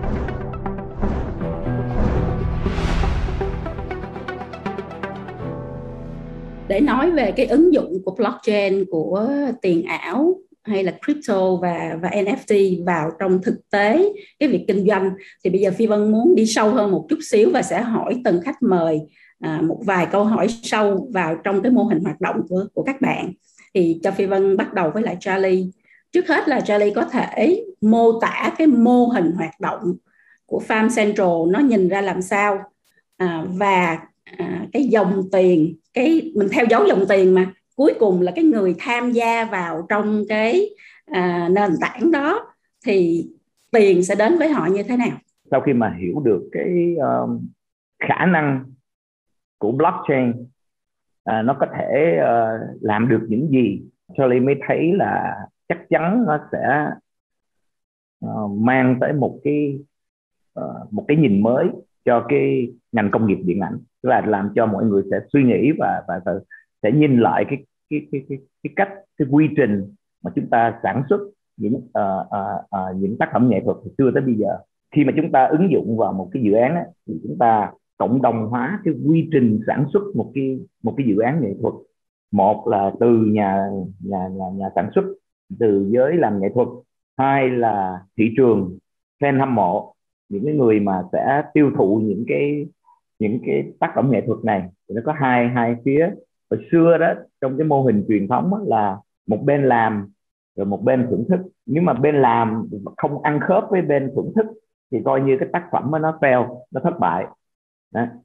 chứ nó chưa có cái mô hình là có một cái sự tương tác có một cái sự kết nối để mà tạo ra những cái tác phẩm mà thật sự nó mang tính nó nó, nó có cái tính cộng đồng hóa ở trong đó còn ngược lại về phía của nhà nhà làm phim thì sẽ nhận được những cái sự phản hồi à, và sự đóng góp tích cực từ khán giả để chúng ta hoàn thiện cái dự án của mình trước khi sản xuất.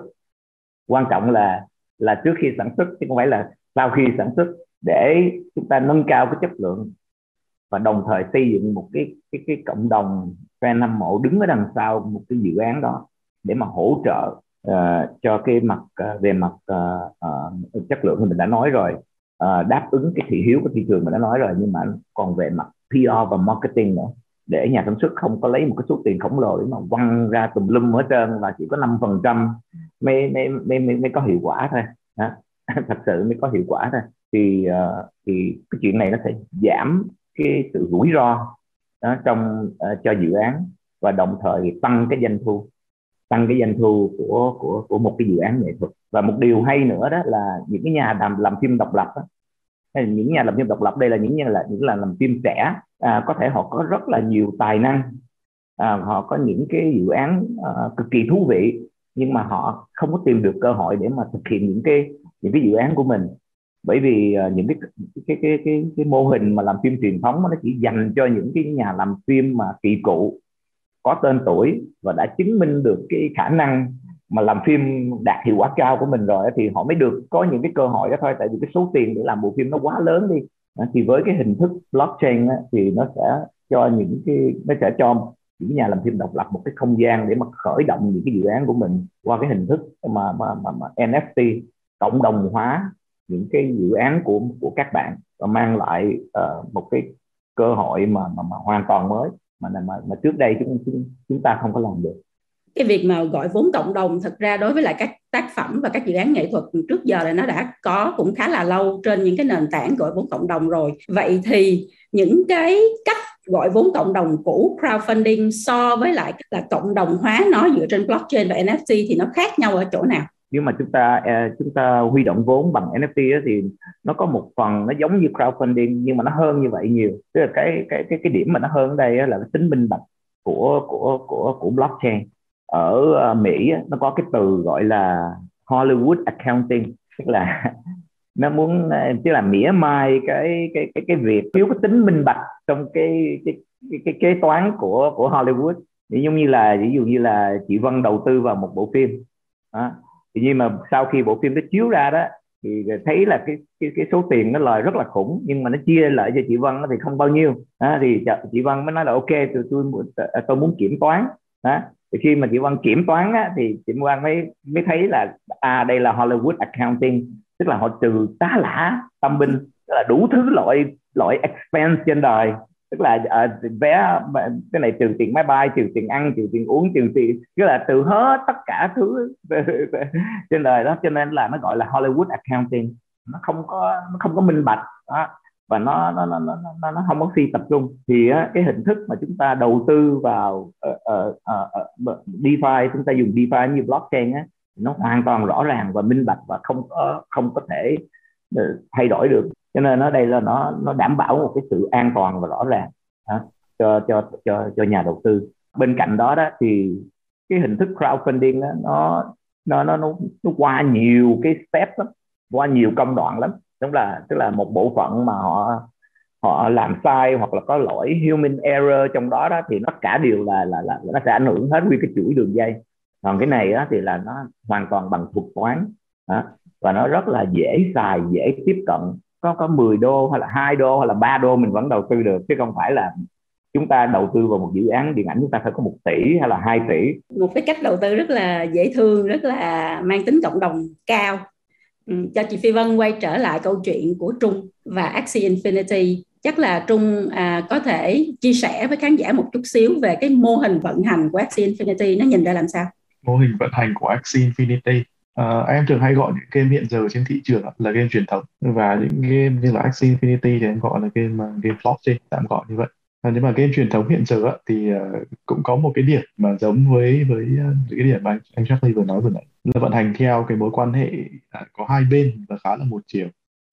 Tức là cái mối quan hệ tương tác giữa một bên là làm ra game phát hành game và bên kia là những người chơi game. Và à, trong cái mô hình game hiện giờ nhất là cái mô hình free to play thì uh, cái người chơi game á, sẽ mua đồ đạc vật phẩm nhân vật game từ phía bên nhà phát hành. Nó là một cái mối quan hệ rất là rất là một chiều. Nhưng mà trong cái ờ, cái game blockchain á, thì trong cái game này mọi người thực, thực sự là sở hữu cái cái ờ, cái nhân vật trong game của họ uh, những cái đồ đạc vật phẩm tài sản ở trong game thì họ thực sự là sở hữu. Và khi thực sự sở hữu thì họ có thể làm được gì họ có thể uh, mua bán với nhau uh, trao đổi uh, mua bán qua lại và lúc này cái mô hình kinh doanh ấy, thay vì ấy, là theo cách một chiều tức là mình mình bán những cái đồ đạc đó cho người chơi game thì ở đây ấy, à, tất nhiên vẫn có cái phần đó nhưng mà nó sẽ là một cái phần nhỏ. Còn ngoài ra trong quá trình mà mọi người trao đổi mua bán với nhau ấy, thì à, cái cái cái à, cái đơn vị mà vận hành game ấy, có thể lấy được cái cái phần trăm từ cái cái hoa hồng từ cái việc là trao đổi mua bán đó. Thì đó là là cái sự chuyển dịch về cái mô hình kinh doanh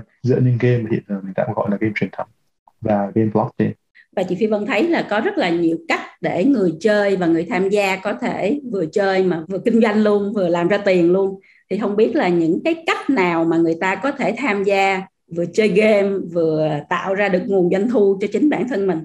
Xét đến cùng à, cũng giống như là với một bộ phim chẳng hạn.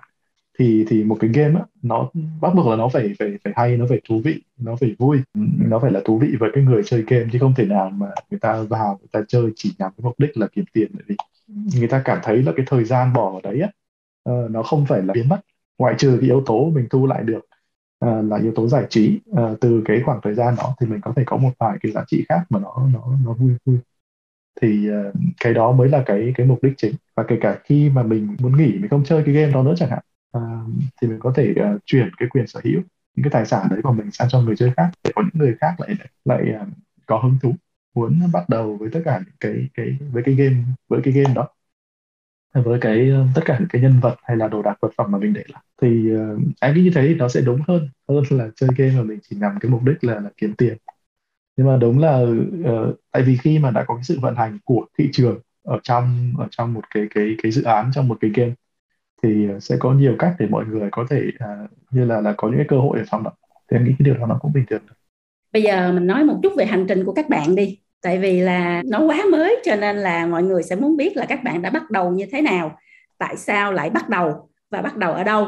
Thì chắc là nhờ Charlie um, chia sẻ trước là lý do vì sao mà đạo diễn lại bắt đầu một cái dự án mà nó có blockchain ở trong đó. À, hồi xưa thì uh, em cũng là uh, một, một người đạo diễn đạo diễn với biên kịch à, không có suy nghĩ nhiều về cái ở cái khía cạnh mà thương mại cho uh, trong ngành điện ảnh. Uh, nhưng khi mà đội cái nón đội cái mũ sản xuất lên đó, thì bắt đầu Charlie phải suy nghĩ rất là nhiều về làm sao để tối ưu cái quy trình sản xuất làm sao để hỗ trợ cho đạo diễn làm sao làm sao để duy trì cái cái cái cái, cái mối quan hệ với nhà đầu tư à, làm sao để để để ờ, bảo vệ cho họ bảo vệ cho nhà đầu tư. Và đồng thời cũng suy nghĩ rất nhiều đến thị trường và và và và và đến khán giả làm sao để mình đưa uh, những cái tác phẩm mình làm á, nó phải uh, um, nó phải có một cái sự đóng góp nào đó cho một cái cho cái cho, cho cái thị trường chung. Tại vì tại vì nó phải đồng bộ chứ là một bộ phim tốt trong một cái thị trường mà không eo uột không có khỏe mạnh á, thì mình cũng không có đi được, được đi xa. Đó, cho nên nó phải là sự cộng hưởng. Đó.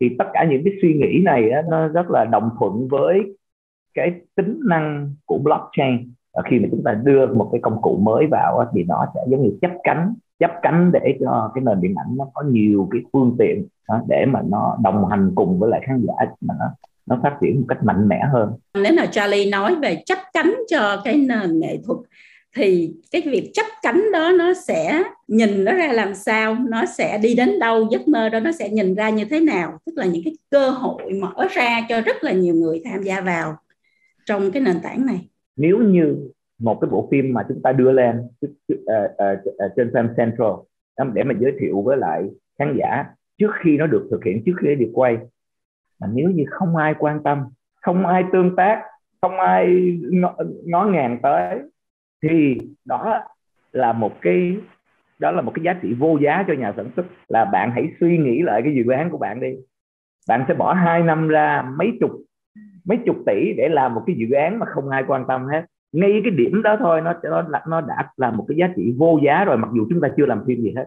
Còn những cái dự án mà sẽ tạo dựng được một cái cộng đồng lớn, họ vào, họ tương tác, họ nói chuyện với lại đạo diễn, họ nói, họ họ họ trao đổi với lại nhà sản xuất, với lại diễn viên họ đọc kịch bản và họ có những cái buổi uh, uh, uh, virtual meeting với nhau để cho cái dự án này nó được nó, nó, nó, có cái sự đóng góp của cái nhu cầu của thị trường cái thị hiếu của fan hâm mộ. Đó, đứng ở đằng sau đó. Và đến cái bước cuối cùng là họ đầu tư vào cái dự án. Thì chỉ mỗi cái việc mà chúng ta không làm những bộ phim mà khán giả không quan tâm hoặc là nó không đúng với thị hiếu của thị của thị trường thôi đó. Nó đã là một cái việc đóng góp rất là nhiều rồi. Sẽ có hàng trăm tỷ không bị uh, không bị lãng phí và sẽ có có hàng triệu khán giả không bị thất vọng. Và họ sẽ đến những cái bộ phim mà họ quan tâm. Và cái tiền đầu tư nó sẽ được đặt ở đúng chỗ. Vậy trời trở lại với bạn Trung. Thì Axie của ngày hôm nay với Axie của thời bắt đầu Trung uh, mon men ý định uh, lập ra thì nó có khác nhau không? Em nghĩ là khác nhau rất là nhiều. Uh, lúc đầu thì mình nghĩ là ok mình mình làm một cái gì đấy thôi. Thậm chí lúc đầu thì bọn em cũng nhìn nhận như là một cái cái project nhỏ thôi. Ừ. nhưng mà tại thời điểm ban đầu không ngờ là là mọi người cũng cũng đón cũng đón chờ. Thế là quyết định là cả team quit job luôn. Uh, và tập trung vào làm full time thì cho nên bây giờ bọn em em nghĩ là bọn em cũng có tích lũy được nhiều kinh nghiệm và cũng trải qua nhiều cái khoảnh khắc khó khăn.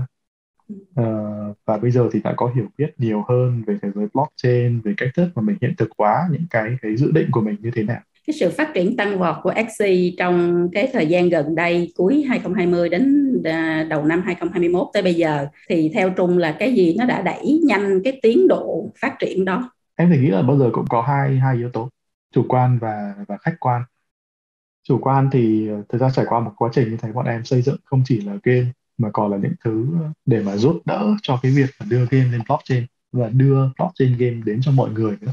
Thì đó là yếu tố chủ chủ quan những cái sự chuẩn bị của mình. Còn yếu tố khách quan thì em nghĩ là là chắc chắn là có một yếu tố rất là lớn đó là cái sự thay đổi của thị trường là mọi người quan tâm nhiều hơn. Tự bản thân mọi người uh, đi tìm hiểu về nó tìm hiểu về những cái khái niệm cách thức vận hành. Với cái số lượng người đã tham gia vào Axie cho đến ngày hôm nay á thì uh, bao nhiêu phần trăm là người ở nước ngoài và bao nhiêu phần trăm là người tham gia từ Việt Nam? Em nghĩ cái phần trăm từ Việt Nam uh, ít lắm. Uh, nếu mà tính tổng số tất cả cái cái người chơi của Axie á, thì ai không nắm được con số chính xác ở đây nhưng mà em nghĩ là nó sẽ dưới dưới năm phần trăm em nghĩ chỉ được ra khoảng tầm chắc nếu mà nhiều thì khoảng ba đến bốn phần trăm gì đó trên toàn bộ cái cái cái tổng số lượng người chơi của Axie. Ừ, tại sao lại như thế hả Trung? Ngay từ đầu thì bọn em bắt đầu ở cái thị trường quốc tế trước. Ừ. không có đẩy mạnh ở thị trường Việt Nam thậm chí là không làm gì ở thị trường Việt Nam luôn. Tại thời điểm ban đầu người Việt mình thì thì thường là, là thích ăn chắc mặc bền nhiều hơn.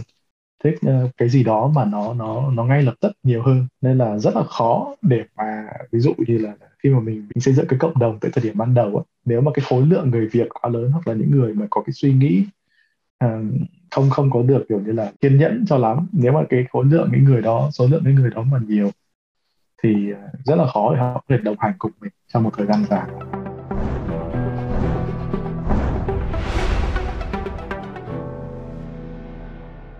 Nãy giờ mình nói rất nhiều về cơ hội, mình nói về giấc mơ, nói về hành trình, và mình nói những cái điều mà nó sẽ lan tỏa đến cho cộng đồng. Bây giờ chị phi vân muốn hỏi ngược lại một chút xíu đó là nó có rủi ro không cho những người tham gia có rủi ro không cho những nhà đầu tư và rủi ro đó nó nhìn như thế nào?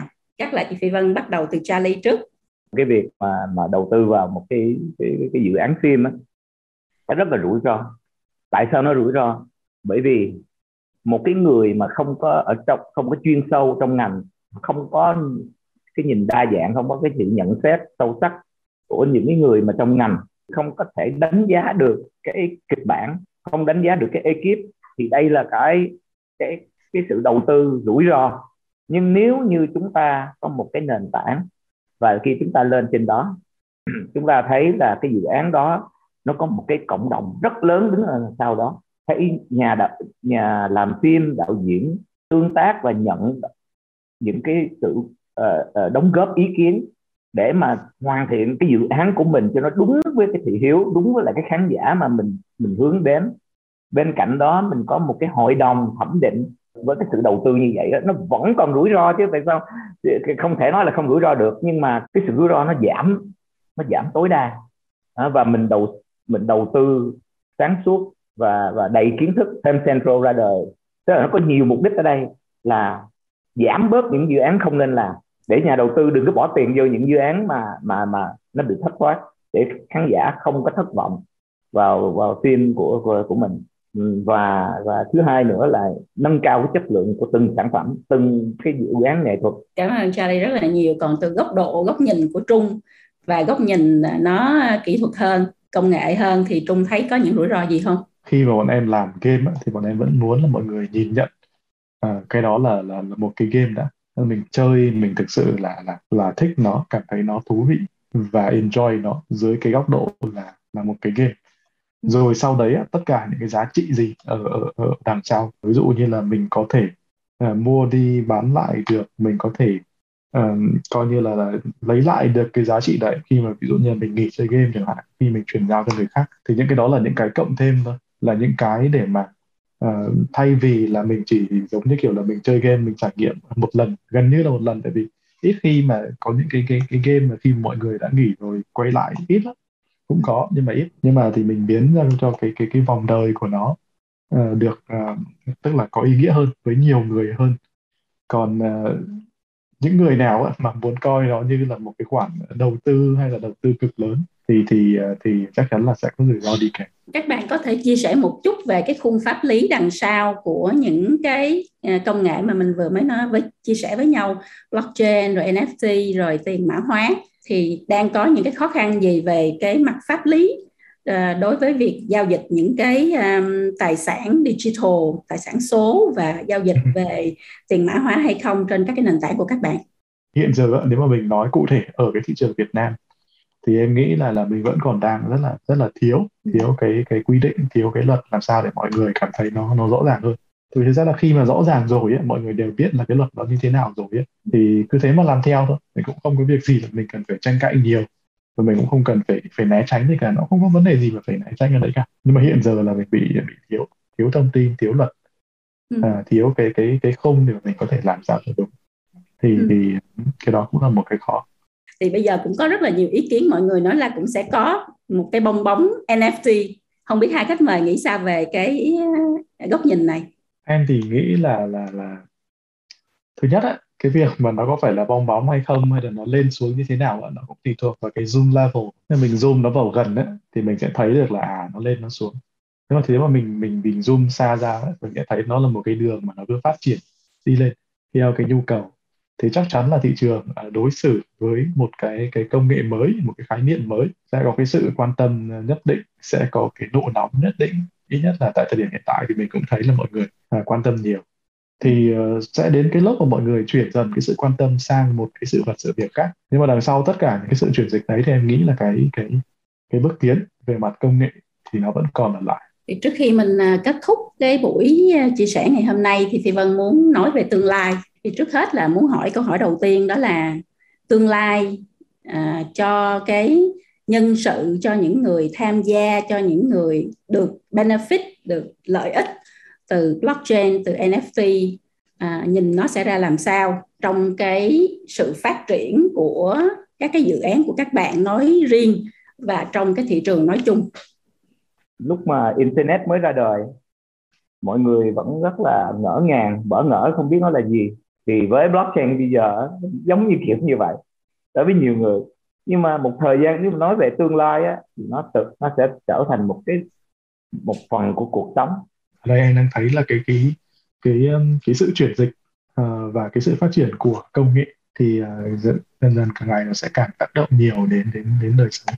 Và blockchain thực ra là một cái mà nó nó tăng tốc cực kỳ nhanh. Cái cái um, cái việc mà mọi người có thể tiếp cận được với những cái cái lợi ích như thế ừ. thì uh, đó cũng là cái cái sứ mệnh cái mà bọn em làm.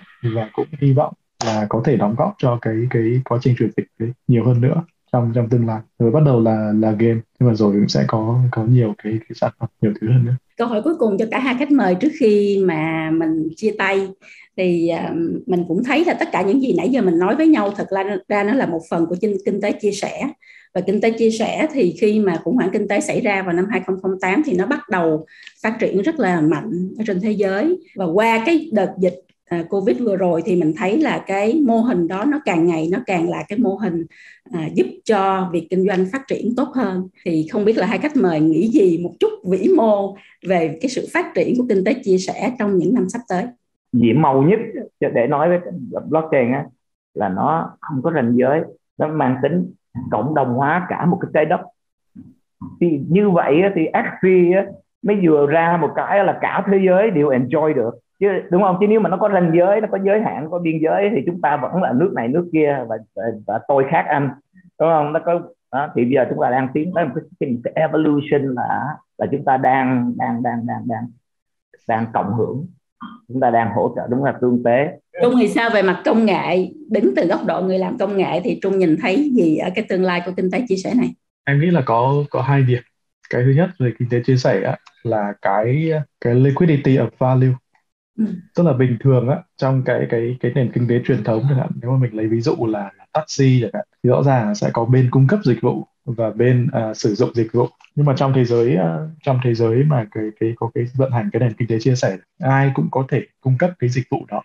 Đó là tùy thuộc vào cái nhu cầu đó, thì mọi người nên được, được hỗ trợ để mà có thể đứng vào cái vị trí là, là là cái người cung cấp dịch vụ và cũng như là cái chiều ngược lại thì cũng đúng là cái người sử dụng dịch vụ.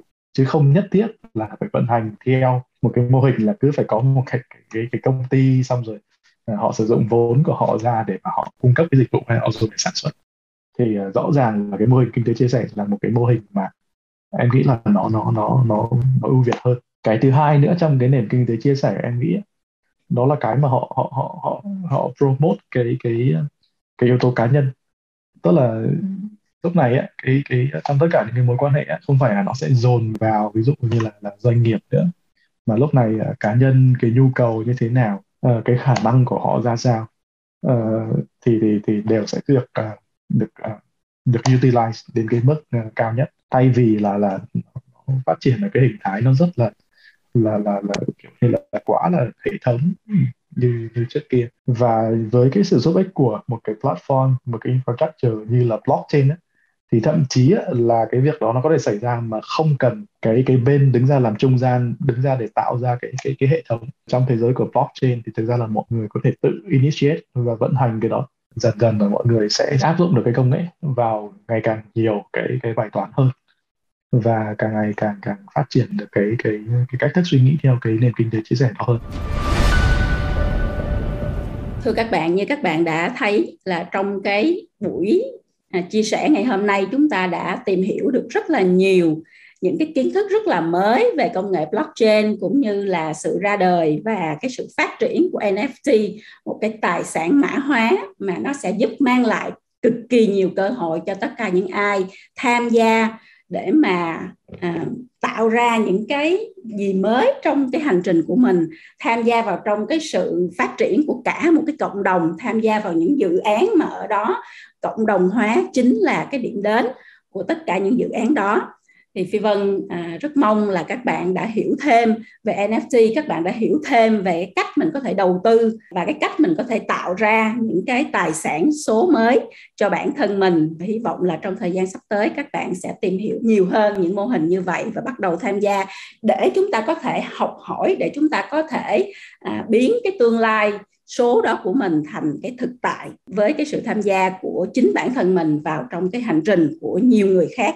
trong cộng đồng không phải chỉ Việt Nam mà cả trên toàn thế giới. NFT và blockchain đương nhiên và chắc chắn sẽ thay đổi rất là nhiều ngành nghề khác nhau như các bạn đã thấy trong buổi hôm nay. Ngành gaming ngành giải trí. Thì Vân hy vọng các bạn đã có một buổi à, tham gia chia sẻ rất là hào hứng và rất mong là các bạn sẽ đón xem chương trình tiếp theo. À, với cái vị khách mời mà cũng có mặt trong cái chương trình ngày hôm nay nhưng mà sẽ đào sâu hơn nữa về cái sự à, vận hành sự ứng dụng của NFT vào trong chính mô hình kinh doanh của anh. Cảm ơn các bạn rất nhiều và hẹn các bạn trong chương trình lần sau. Cùng Nguyễn Phi Vân trong talk show Nguy cơ phát sóng thứ năm hàng tuần trên vnexpress.net.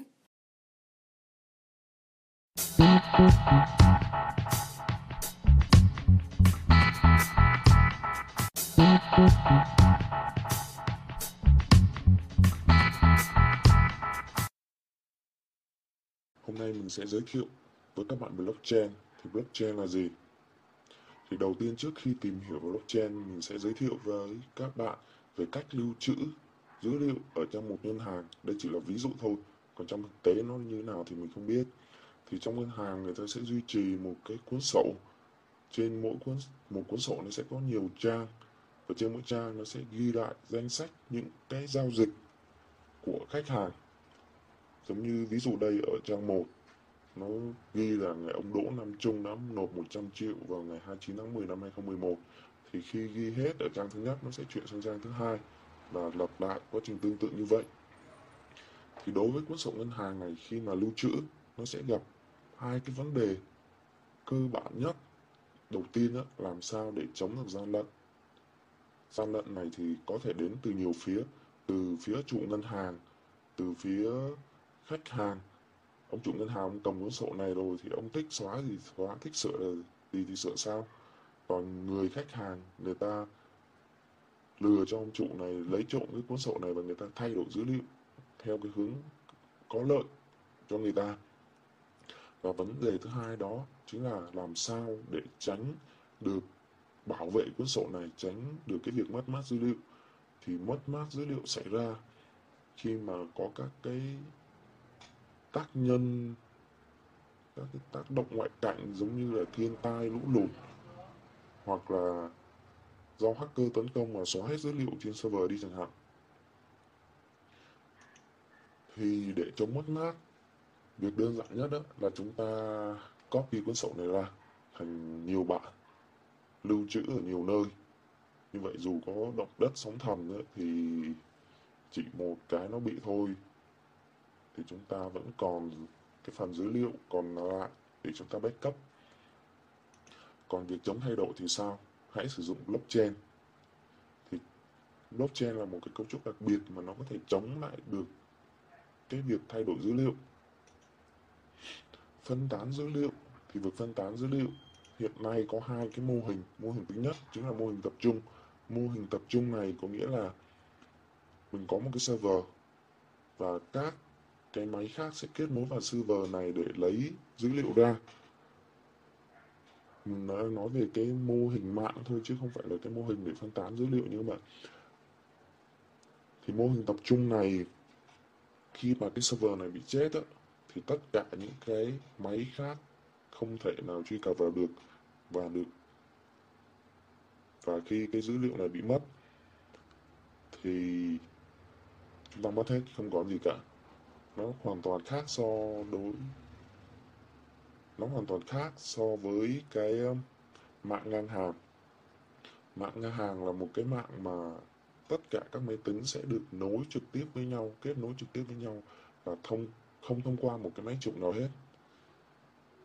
Nghĩa là khi một cái máy ở trong mạng này mà bị sập á, thì chúng ta còn rất nhiều cái máy khác để backup cái dữ liệu ví dụ như cái máy giữa này bị sập, thì kệ nó nó sập kệ nó, không sao hết, chúng ta vẫn còn những cái máy xung quanh này.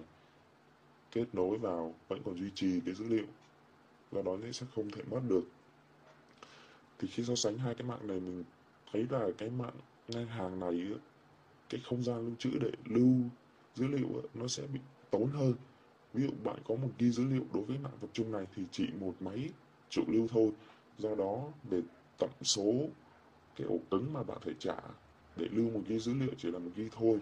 Còn đối với mạng ngân hàng, cái mạng ngân hàng này thì chúng ta phải nhân dữ liệu lên thành nhiều bản để backup mà. Thì nếu mà ở trong mạng này có 100 nốt, mỗi máy được gọi là một nốt ở trong cái mạng này, thì nếu chúng ta có 100 nốt hoặc là 100 peer thì chúng ta cần phải tốn tổng cộng là 100 g để lưu được cái dữ liệu của chúng ta chỉ có một g thôi thì phần lưu trữ blockchain thì tại sao blockchain có thể chống được cái việc gọi là sửa dữ liệu? Thì blockchain là một cấu trúc dữ liệu dạng danh sách mà các phần tử được liên kết với nhau bằng cách sử dụng các thuật toán mã hóa. Chúng ta có thể nhìn cái mô hình đơn giản blockchain như sau. Mỗi cái cục này được gọi là những cái khối dữ liệu này được gọi là block còn cái phần liên kết này được gọi là chain, hay ghép hai từ này lại thì chúng ta được blockchain thì cái phần chain này chính là phần hash của cái phần tự của cái block liền trước của block mà chúng ta đang xét ví dụ như chúng ta đang ở block 2 thì trong block 2 ngoài cái việc chứa data ra, nó còn chứa hash của block 1 nữa. Bây giờ chúng ta quay trở lại cái cuốn sổ ngân hàng lúc đầu này. Thì giờ mình sẽ xem xem trong blockchain nó sẽ chứa những cái gì thì chúng ta có thể coi như một trang trong cuốn sổ ngân hàng này là một block Ví đây trang một mình sẽ ánh xạ sang thành block số 1 những cái dòng dữ liệu ở trong cuốn sổ này thì được gọi là những transaction sẽ được lưu ở phía bên này.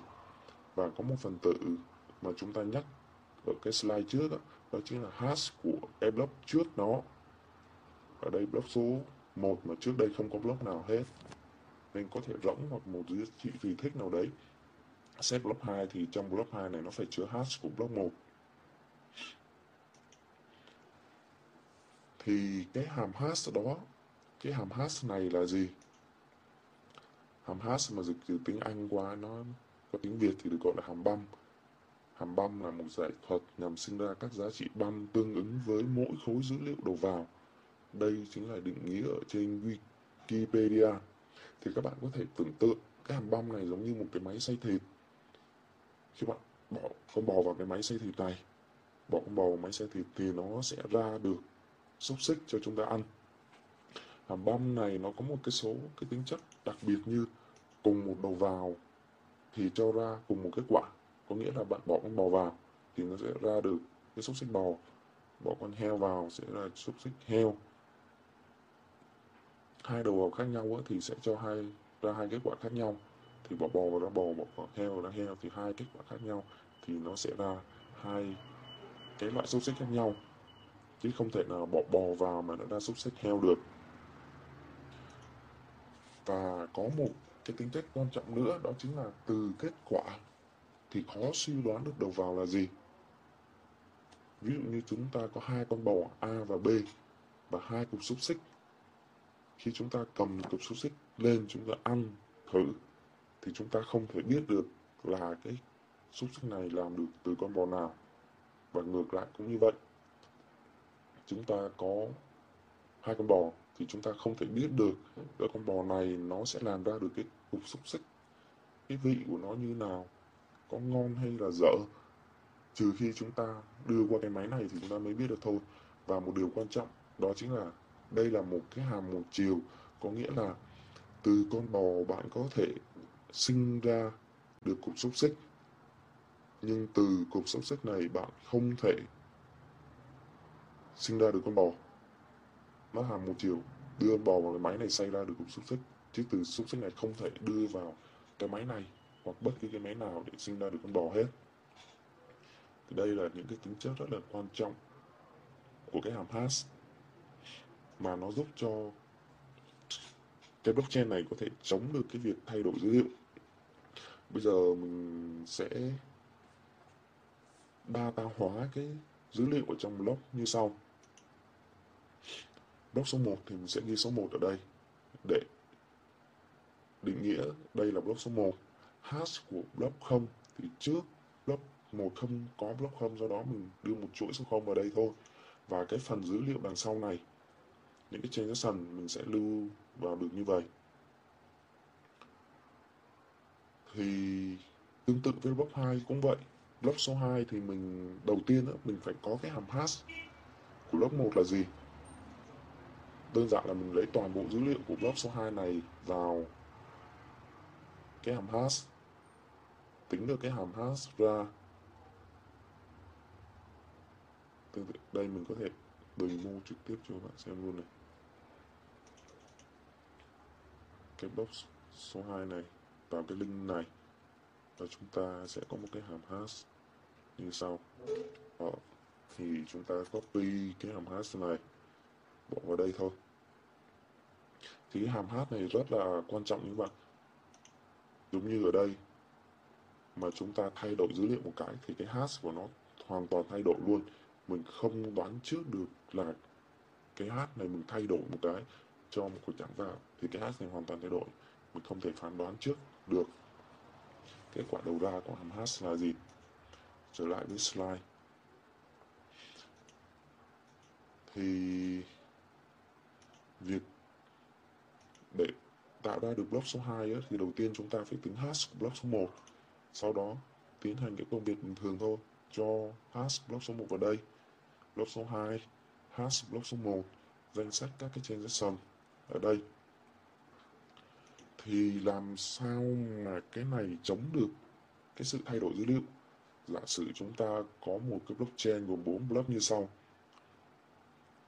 Bây giờ chúng ta thử thay đổi dữ liệu của block số 2 đi, từ ủn cộng 1 thành ủn cộng 1000 khi mà chúng ta thay đổi thì dẫn đến cái hash của block số 2 nó sẽ thay đổi. Bởi vì dữ liệu của block số 2 thay đổi do nó dẫn tới hash thay đổi mà hash block số 2 thay đổi thì sẽ dẫn tới dữ liệu, sẽ dẫn tới block số 3 bị thay đổi theo. Bởi vì trong số 3 chứa block hash của block số 2 mà. Thì cái block số 3 thay đổi dẫn tới block số 4 cũng bị thay đổi. Bởi vì cái hash số 3 bị thay đổi. Nên block 4 thay đổi. Giờ chúng ta có 100 block thì chúng ta phải thay đổi hết nghĩa là tất cả những block nào mà sau block số 2 á, thì đều bị thay đổi hết, thay đổi cái số h này hết.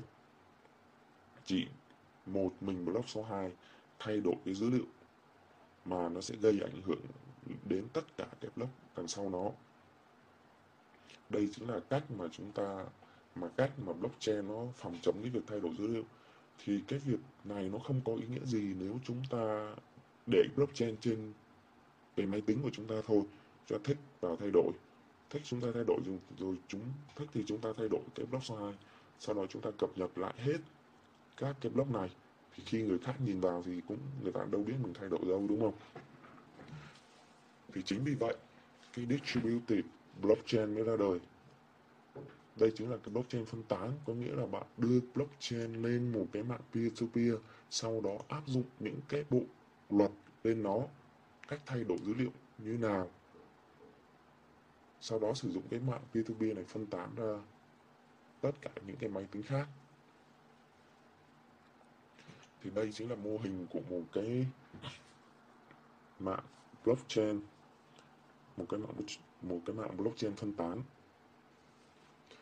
Đầu tiên đó là tất cả những cái máy, những cái nốt tham gia vào cái mạng blockchain này thì đều duy trì cho nó một cái blockchain riêng và những cái blockchain này là giống nhau hoàn toàn. Dữ liệu trong blockchain sẽ giống nhau. Thì khi một máy mà muốn thay đổi dữ liệu, một nốt này muốn thay đổi dữ liệu đầu tiên nó sẽ tạo ra một cái transaction sau đó nó ký tên lên nó, lên cái transaction đó. Vì ký tên này để đảm bảo là cái máy này là muốn thay đổi dữ liệu chứ không phải một cái máy X khác.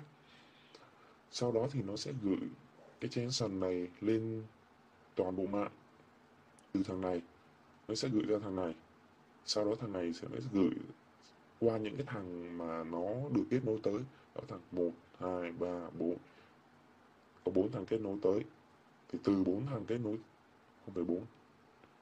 Mà bốn thằng kết nối tới.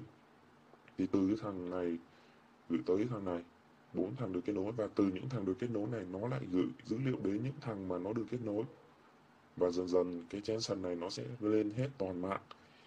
Thì khi mà transaction này mới được gửi lên đó, nó chưa ở trong block nào hết. Một block nào hết thì nó được gọi là unconfirmed transaction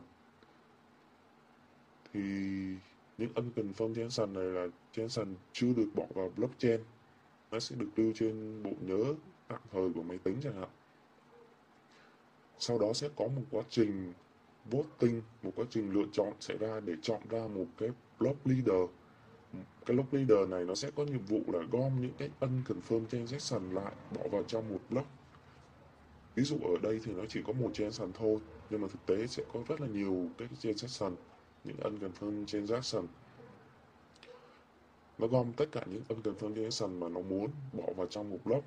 Sau đó, nó sẽ gắn block này vào vị trí cuối cùng của blockchain và broadcast cái block này lên toàn mạng. Thì tất cả các cái máy khác á, khi mà nhận được cái block mới này nó sẽ kiểm tra xem cái dữ liệu ở trong này nó có đúng không. Nếu mà đúng á, thì nó sẽ ghi vào blockchain của nó. Thì tương tự như lúc đầu ấy, cái sần này trước khi mà broad, khi mà broadcast lên các cái máy khác ví dụ từ trên từ máy này broadcast lên máy này máy này nó sẽ kiểm tra transaction này có hợp lệ hay không. Nếu mà hợp lệ thì nó mới broadcast lên các cái blockchain khác. Lên, lên các cái nốt khác. Vậy thì động cơ gì để duy trì blockchain? Thì ai là người có thể tạo ra một block mới á, thì sẽ được một phần thưởng nhất định nào đó.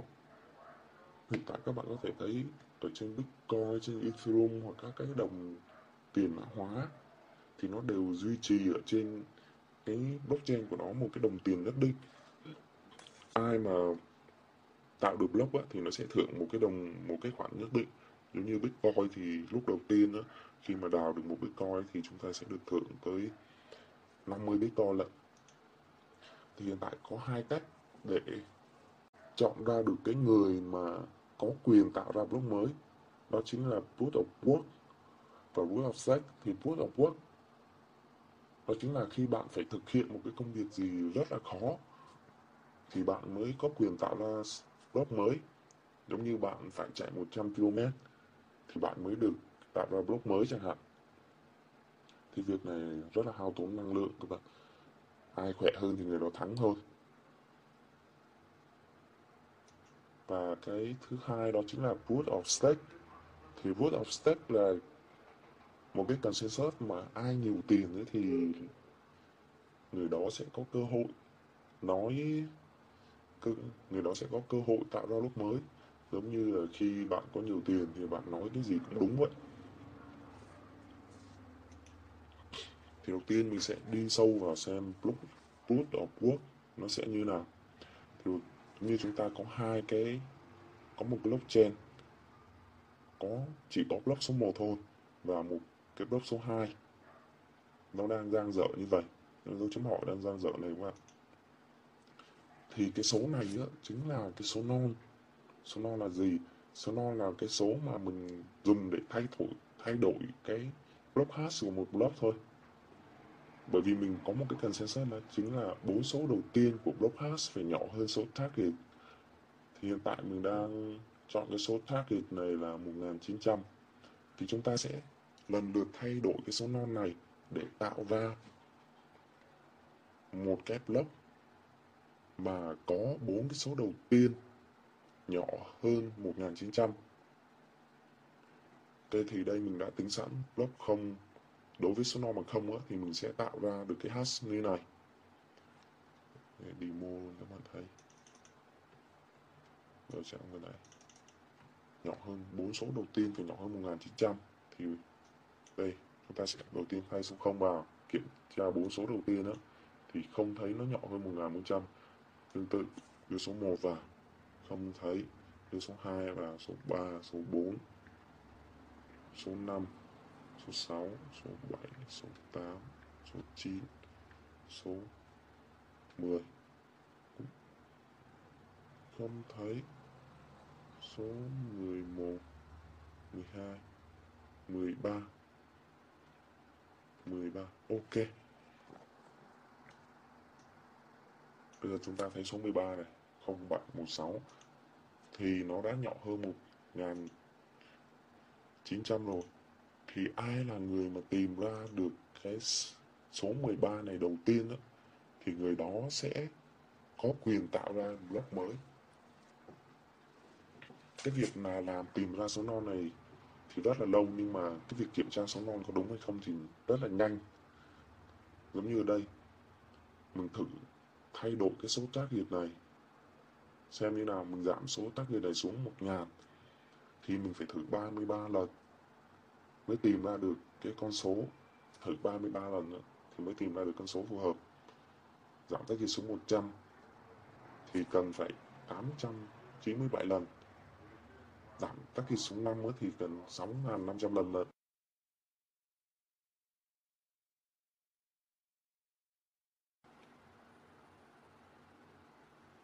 tìm ra được con số nhỏ hơn con số 5 nhưng mà việc kiểm tra rất đơn giản, bạn chỉ cần lấy hash và bạn thay số vào. Và bạn sẽ kiểm tra được. Đây là 6536 đó, thì bạn kiểm tra bốn số đầu thì sẽ thấy nó nhỏ hơn 5 ngay lập tức. Cái này thì như mình quan sát như các bạn quan sát thì sẽ thấy cái số tác nghiệp này mà càng nhỏ thì cái bước tìm của chúng ta nó càng lớn lên. Thì nói về proof of work thì đây chỉ là một cái quá trình mà tìm ra cái số hash số hash phù hợp cái số tìm ra block hash phù hợp với cần consensus thôi. Nên đó nếu chúng ta có cái máy nào mạnh ấy, mà chuyên dụng ấy, thì chúng ta sẽ tìm được số hash này nhanh hơn so với người khác. Và chúng ta sẽ chuyển sang proof of stake. Thì proof of stake nó lại hướng tiếp cận hoàn hết cái tiếp cận hoàn toàn khác so với proof of work chúng ta sẽ không còn số non này nữa. Và chúng ta có một consensus là hai số đầu tiên của block hash nhân với số target phải nhỏ hơn số tiền có trong tài khoản. Bây giờ với số target bằng 1 và trong hệ thống của chúng ta có ba tài khoản, 4 tài khoản x a b c. Thằng x này có 1 đồng thằng a có 12 đồng thằng b có 24 đồng và c có 50 đồng. Thì bây giờ chúng ta hãy xét block số 2 xem bốn thằng này ai là người có khả năng đào ra block số 2 thì block số 2 nó hash block số 2 sẽ bắt đầu đầu bằng 23 bây giờ chúng ta sẽ lấy 23 này nhân với số target. ở đây mình chọn target bằng 1 để cho dễ tính toán. 23 nhân 1 thì bằng 23 lấy 23 này so sánh với cái bốn tài khoản của bốn thằng này. Thằng nào mà các số tài khoản lớn hơn á, lớn hơn số 23 thì thằng đó có quyền đào block thì đây ta thấy thằng x với thằng a là không có rồi. Chỉ có thằng b với thằng c là có quyền thôi. Tương tự như vậy, đối với cái block số 3 được bắt đầu bằng 48 thì chúng ta kiểm tra xem chỉ có thằng C này là có quyền đào được cái block số 48 thôi. Như vậy trên tổng tệ thì thằng càng nhiều tiền thì cái cơ hội đào block của nó sẽ là nhiều hơn so với thằng ít tiền. Ok. Từ đầu giờ mình đã nói sơ qua các cái định nghĩa cơ bản ở trong blockchain. Thì blockchain chỉ là một cấu trúc dữ liệu dạng xanh, danh sách, liên kết, mà có con trỏ là hash của cái phần tự liền trước nó. Peer-to-peer network là một cái mạng máy tính hàng mà không có server. Các cái máy tính tham gia vào trong cái network này được gọi là peer hoặc là node các node sẽ được kết, sẽ kết nối trực tiếp với nhau, không có thông qua server. Consensus chính là các cái luật ở trong một cộng đồng nào đó distributed blockchain. Chính là ngang mang cái blockchain này mang lên cái mạng P2P này, phân tán nó ra. Người ta hay thường gọi nó là một cái cổ, cái sổ cái phân tán dùng blockchain và mạng P2P proof of work là cái consensus để tạo ra một block phù hợp dựa trên cái sức mạnh tính toán. Proof of stake là một cái consensus để tạo ra một block phù hợp dựa trên số tiền có trong tài khoản. Thì cái blockchain này nó có rất là nhiều ứng dụng, có thể ứng dụng về mặt tiền tệ tài chính, ứng dụng về mặt tài chính hoặc ứng như bitcoin, ứng dụng về smart contract như ethereum, ứng dụng về lưu trữ dữ liệu đám mây giống như StoreTrade. Ok, như vậy là đã hết rồi các bạn. Chào tạm biệt các bạn và hẹn gặp lại các bạn trong các cái clip sau.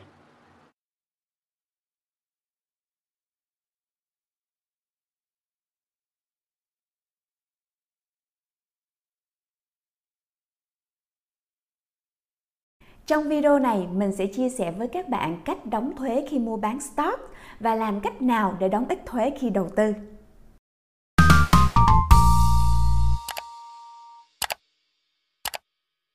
Xin chào tất cả mọi người, chào mừng mọi người đã đến với channel của Huyền.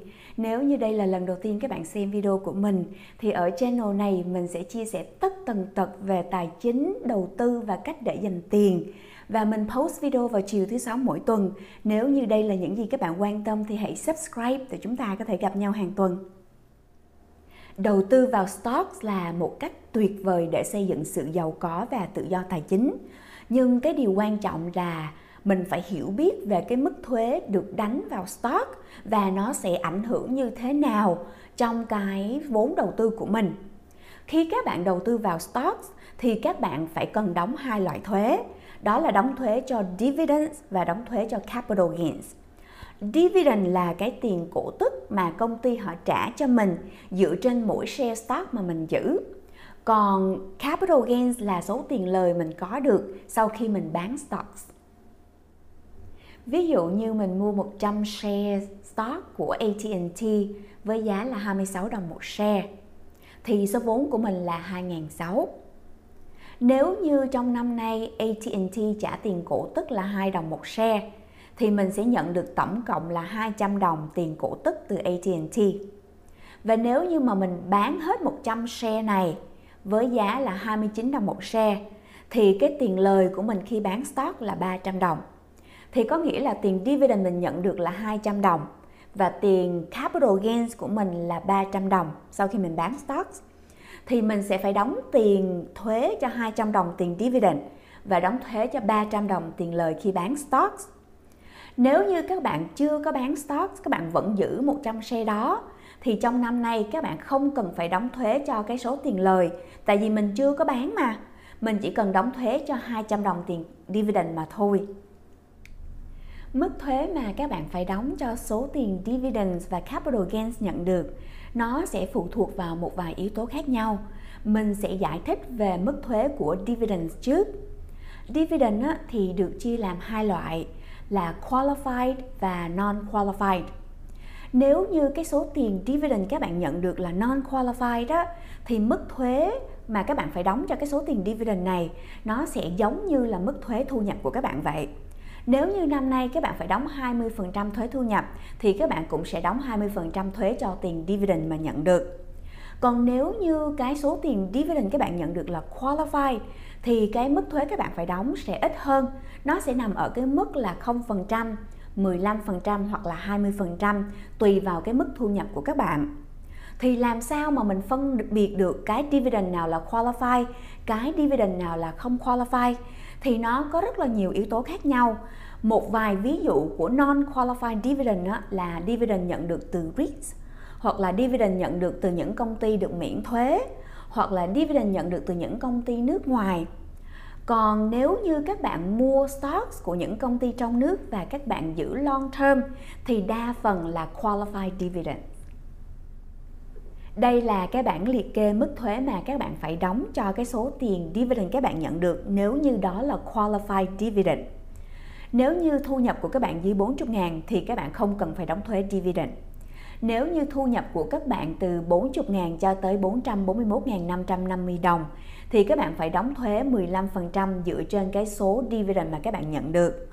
Nếu như thu nhập của các bạn trên 441.550 đồng thì các bạn phải đóng 20% tiền thuế dividend. Nếu như mà mình khai thuế độc thân và trong năm nay số tiền dividend mình nhận được từ AT&T tổng cộng là 200 đồng, thì nếu như income của mình dưới 40.000 trong năm nay thì mình không cần phải đóng thuế dividend. Nếu như thu nhập của mình từ 40.000 cho tới 441.550 đồng, thì tiền thuế dividend mà mình phải đóng trong năm nay là 30 đồng. Và nếu như thu nhập của mình trên 441.550 đồng thì thuế dividend mình phải đóng trong năm nay là 40 đồng. Mỗi năm, công ty đầu tư của các bạn sẽ gửi cho các bạn mẫu đơn 1099 DIV. Trong cái đơn này, họ sẽ liệt kê ra số tiền dividend các bạn nhận được trong năm và sẽ cho các bạn biết là số tiền dividend đó là qualify hay là non qualify thì các bạn sẽ phải dùng cái số liệu trong cái đơn này để khai thuế nếu như các bạn reinvest cái số tiền dividend của các bạn, thì các bạn vẫn phải đóng thuế cho số tiền dividend đó tiếp theo, mình sẽ nói về mức thuế của capital gains capital gains thì nó cũng sẽ có hai loại Loại thứ nhất là short term và loại thứ hai là long term. Short term là khi các bạn mua stocks và các bạn giữ nó chưa tới một năm mà các bạn bán. Còn long term là khi các bạn mua stock và các bạn giữ nó hơn một năm và các bạn bán. Ví dụ như mình mua 100 shares của AT&T hồi tháng 10 với giá 26 đồng một share và bây giờ mình bán hết 100 share đó với giá 29 đồng một share, thì mình lời tổng cộng là 300 đồng thì 300 đồng này là short term capital gains, là tại vì mình giữ AT&T chưa tới một năm. Còn nếu như mình mua 100 share của AT&T hồi tháng 10 với giá 26 đồng một share, và mình đợi cho tới tháng 11 năm sau mình bán thì cái tiền lời mình có được khi bán AT&T thì sẽ là long term capital gains, là tại vì mình giữ AT&T hơn một năm. Thì cái mức thuế mà các bạn phải đóng cho short term capital gains sẽ bằng với cái mức thuế thu nhập của các bạn. Ví dụ như mỗi năm các bạn đóng thuế thu nhập với mức 20% thì các bạn cũng phải đóng 20% cho cái short term capital gains. Còn mức thuế của long term capital gains thì sẽ ở mức 15%, 0% hoặc là 20% tùy thuộc vào cái thu nhập của các bạn. Nếu như thu nhập của các bạn dưới 40.000 thì các bạn sẽ không phải đóng thuế cho long term capital gains. Nếu như thu nhập của các bạn từ 40.000 cho tới 441.550 đồng thì các bạn phải đóng 15% tiền thuế cho Long Term Capital Gains. Và nếu như thu nhập của các bạn từ 441.000 550 đồng trở lên, thì các bạn phải đóng 20% tiền thuế cho Long Term Capital Gains. Ví dụ như mình mua AT&T và mình giữ nó hơn một năm rồi mới bán, và tiền lời của mình là 300 đồng. Thì nếu như thu nhập của mình dưới 40 ngàn thì mình sẽ không phải đóng một đồng tiền thuế nào hết. Nếu như thu nhập của mình từ 40.000 cho tới 441.550 đồng, thì mình sẽ phải đóng 45 đồng tiền thuế. Và nếu như thu nhập của mình trên 441.550 đồng, thì mình sẽ phải đóng 60 đồng tiền thuế. Ví dụ như mình mua 100 shares của AT&T với giá 26 đồng một share và mình giữ hơn một năm, thì cái số tiền dividend mình nhận được là 200 đồng cho một năm và sau một năm mình bán với giá 29 đồng một share thì cái số tiền capital gains của mình nhận được là 300 đồng. Có nghĩa là mình lời được tổng cộng là 500 đồng từ cái việc mua và bán AT&T trong một năm. Thì nếu như cái income của mình dưới 40 ngàn, thì mình không cần phải đóng một đồng nào tiền thuế cả. Nếu như thu nhập của mình từ 40.000 cho tới 441.550 đồng, thì mình sẽ phải đóng 75 đồng tiền thuế tổng cộng. Và nếu như thu nhập của mình trên 441.550 đồng, thì mình sẽ phải đóng 100 đồng tiền thuế tổng cộng. Nếu như trong năm nay các bạn bị lỗ, thì các bạn có thể trừ thuế tối đa là 3.000. Ví dụ như income năm nay của các bạn là 30.000 thì các bạn sẽ được trừ 3.000 ra và đóng thuế cho 27.000 còn lại mà thôi. Các bạn lưu ý giùm mình một điều nha. Những chia sẻ hôm nay chỉ là dựa trên sự hiểu biết của cá nhân mình. Đây cũng chỉ là những thông tin chung chung mà thôi. Mỗi cá nhân sẽ có một cái hoàn cảnh kinh tế khác nhau và sẽ có những trường hợp khác nhau. Cho nên các bạn cũng chỉ nên dùng những thông tin này để tham khảo mà thôi.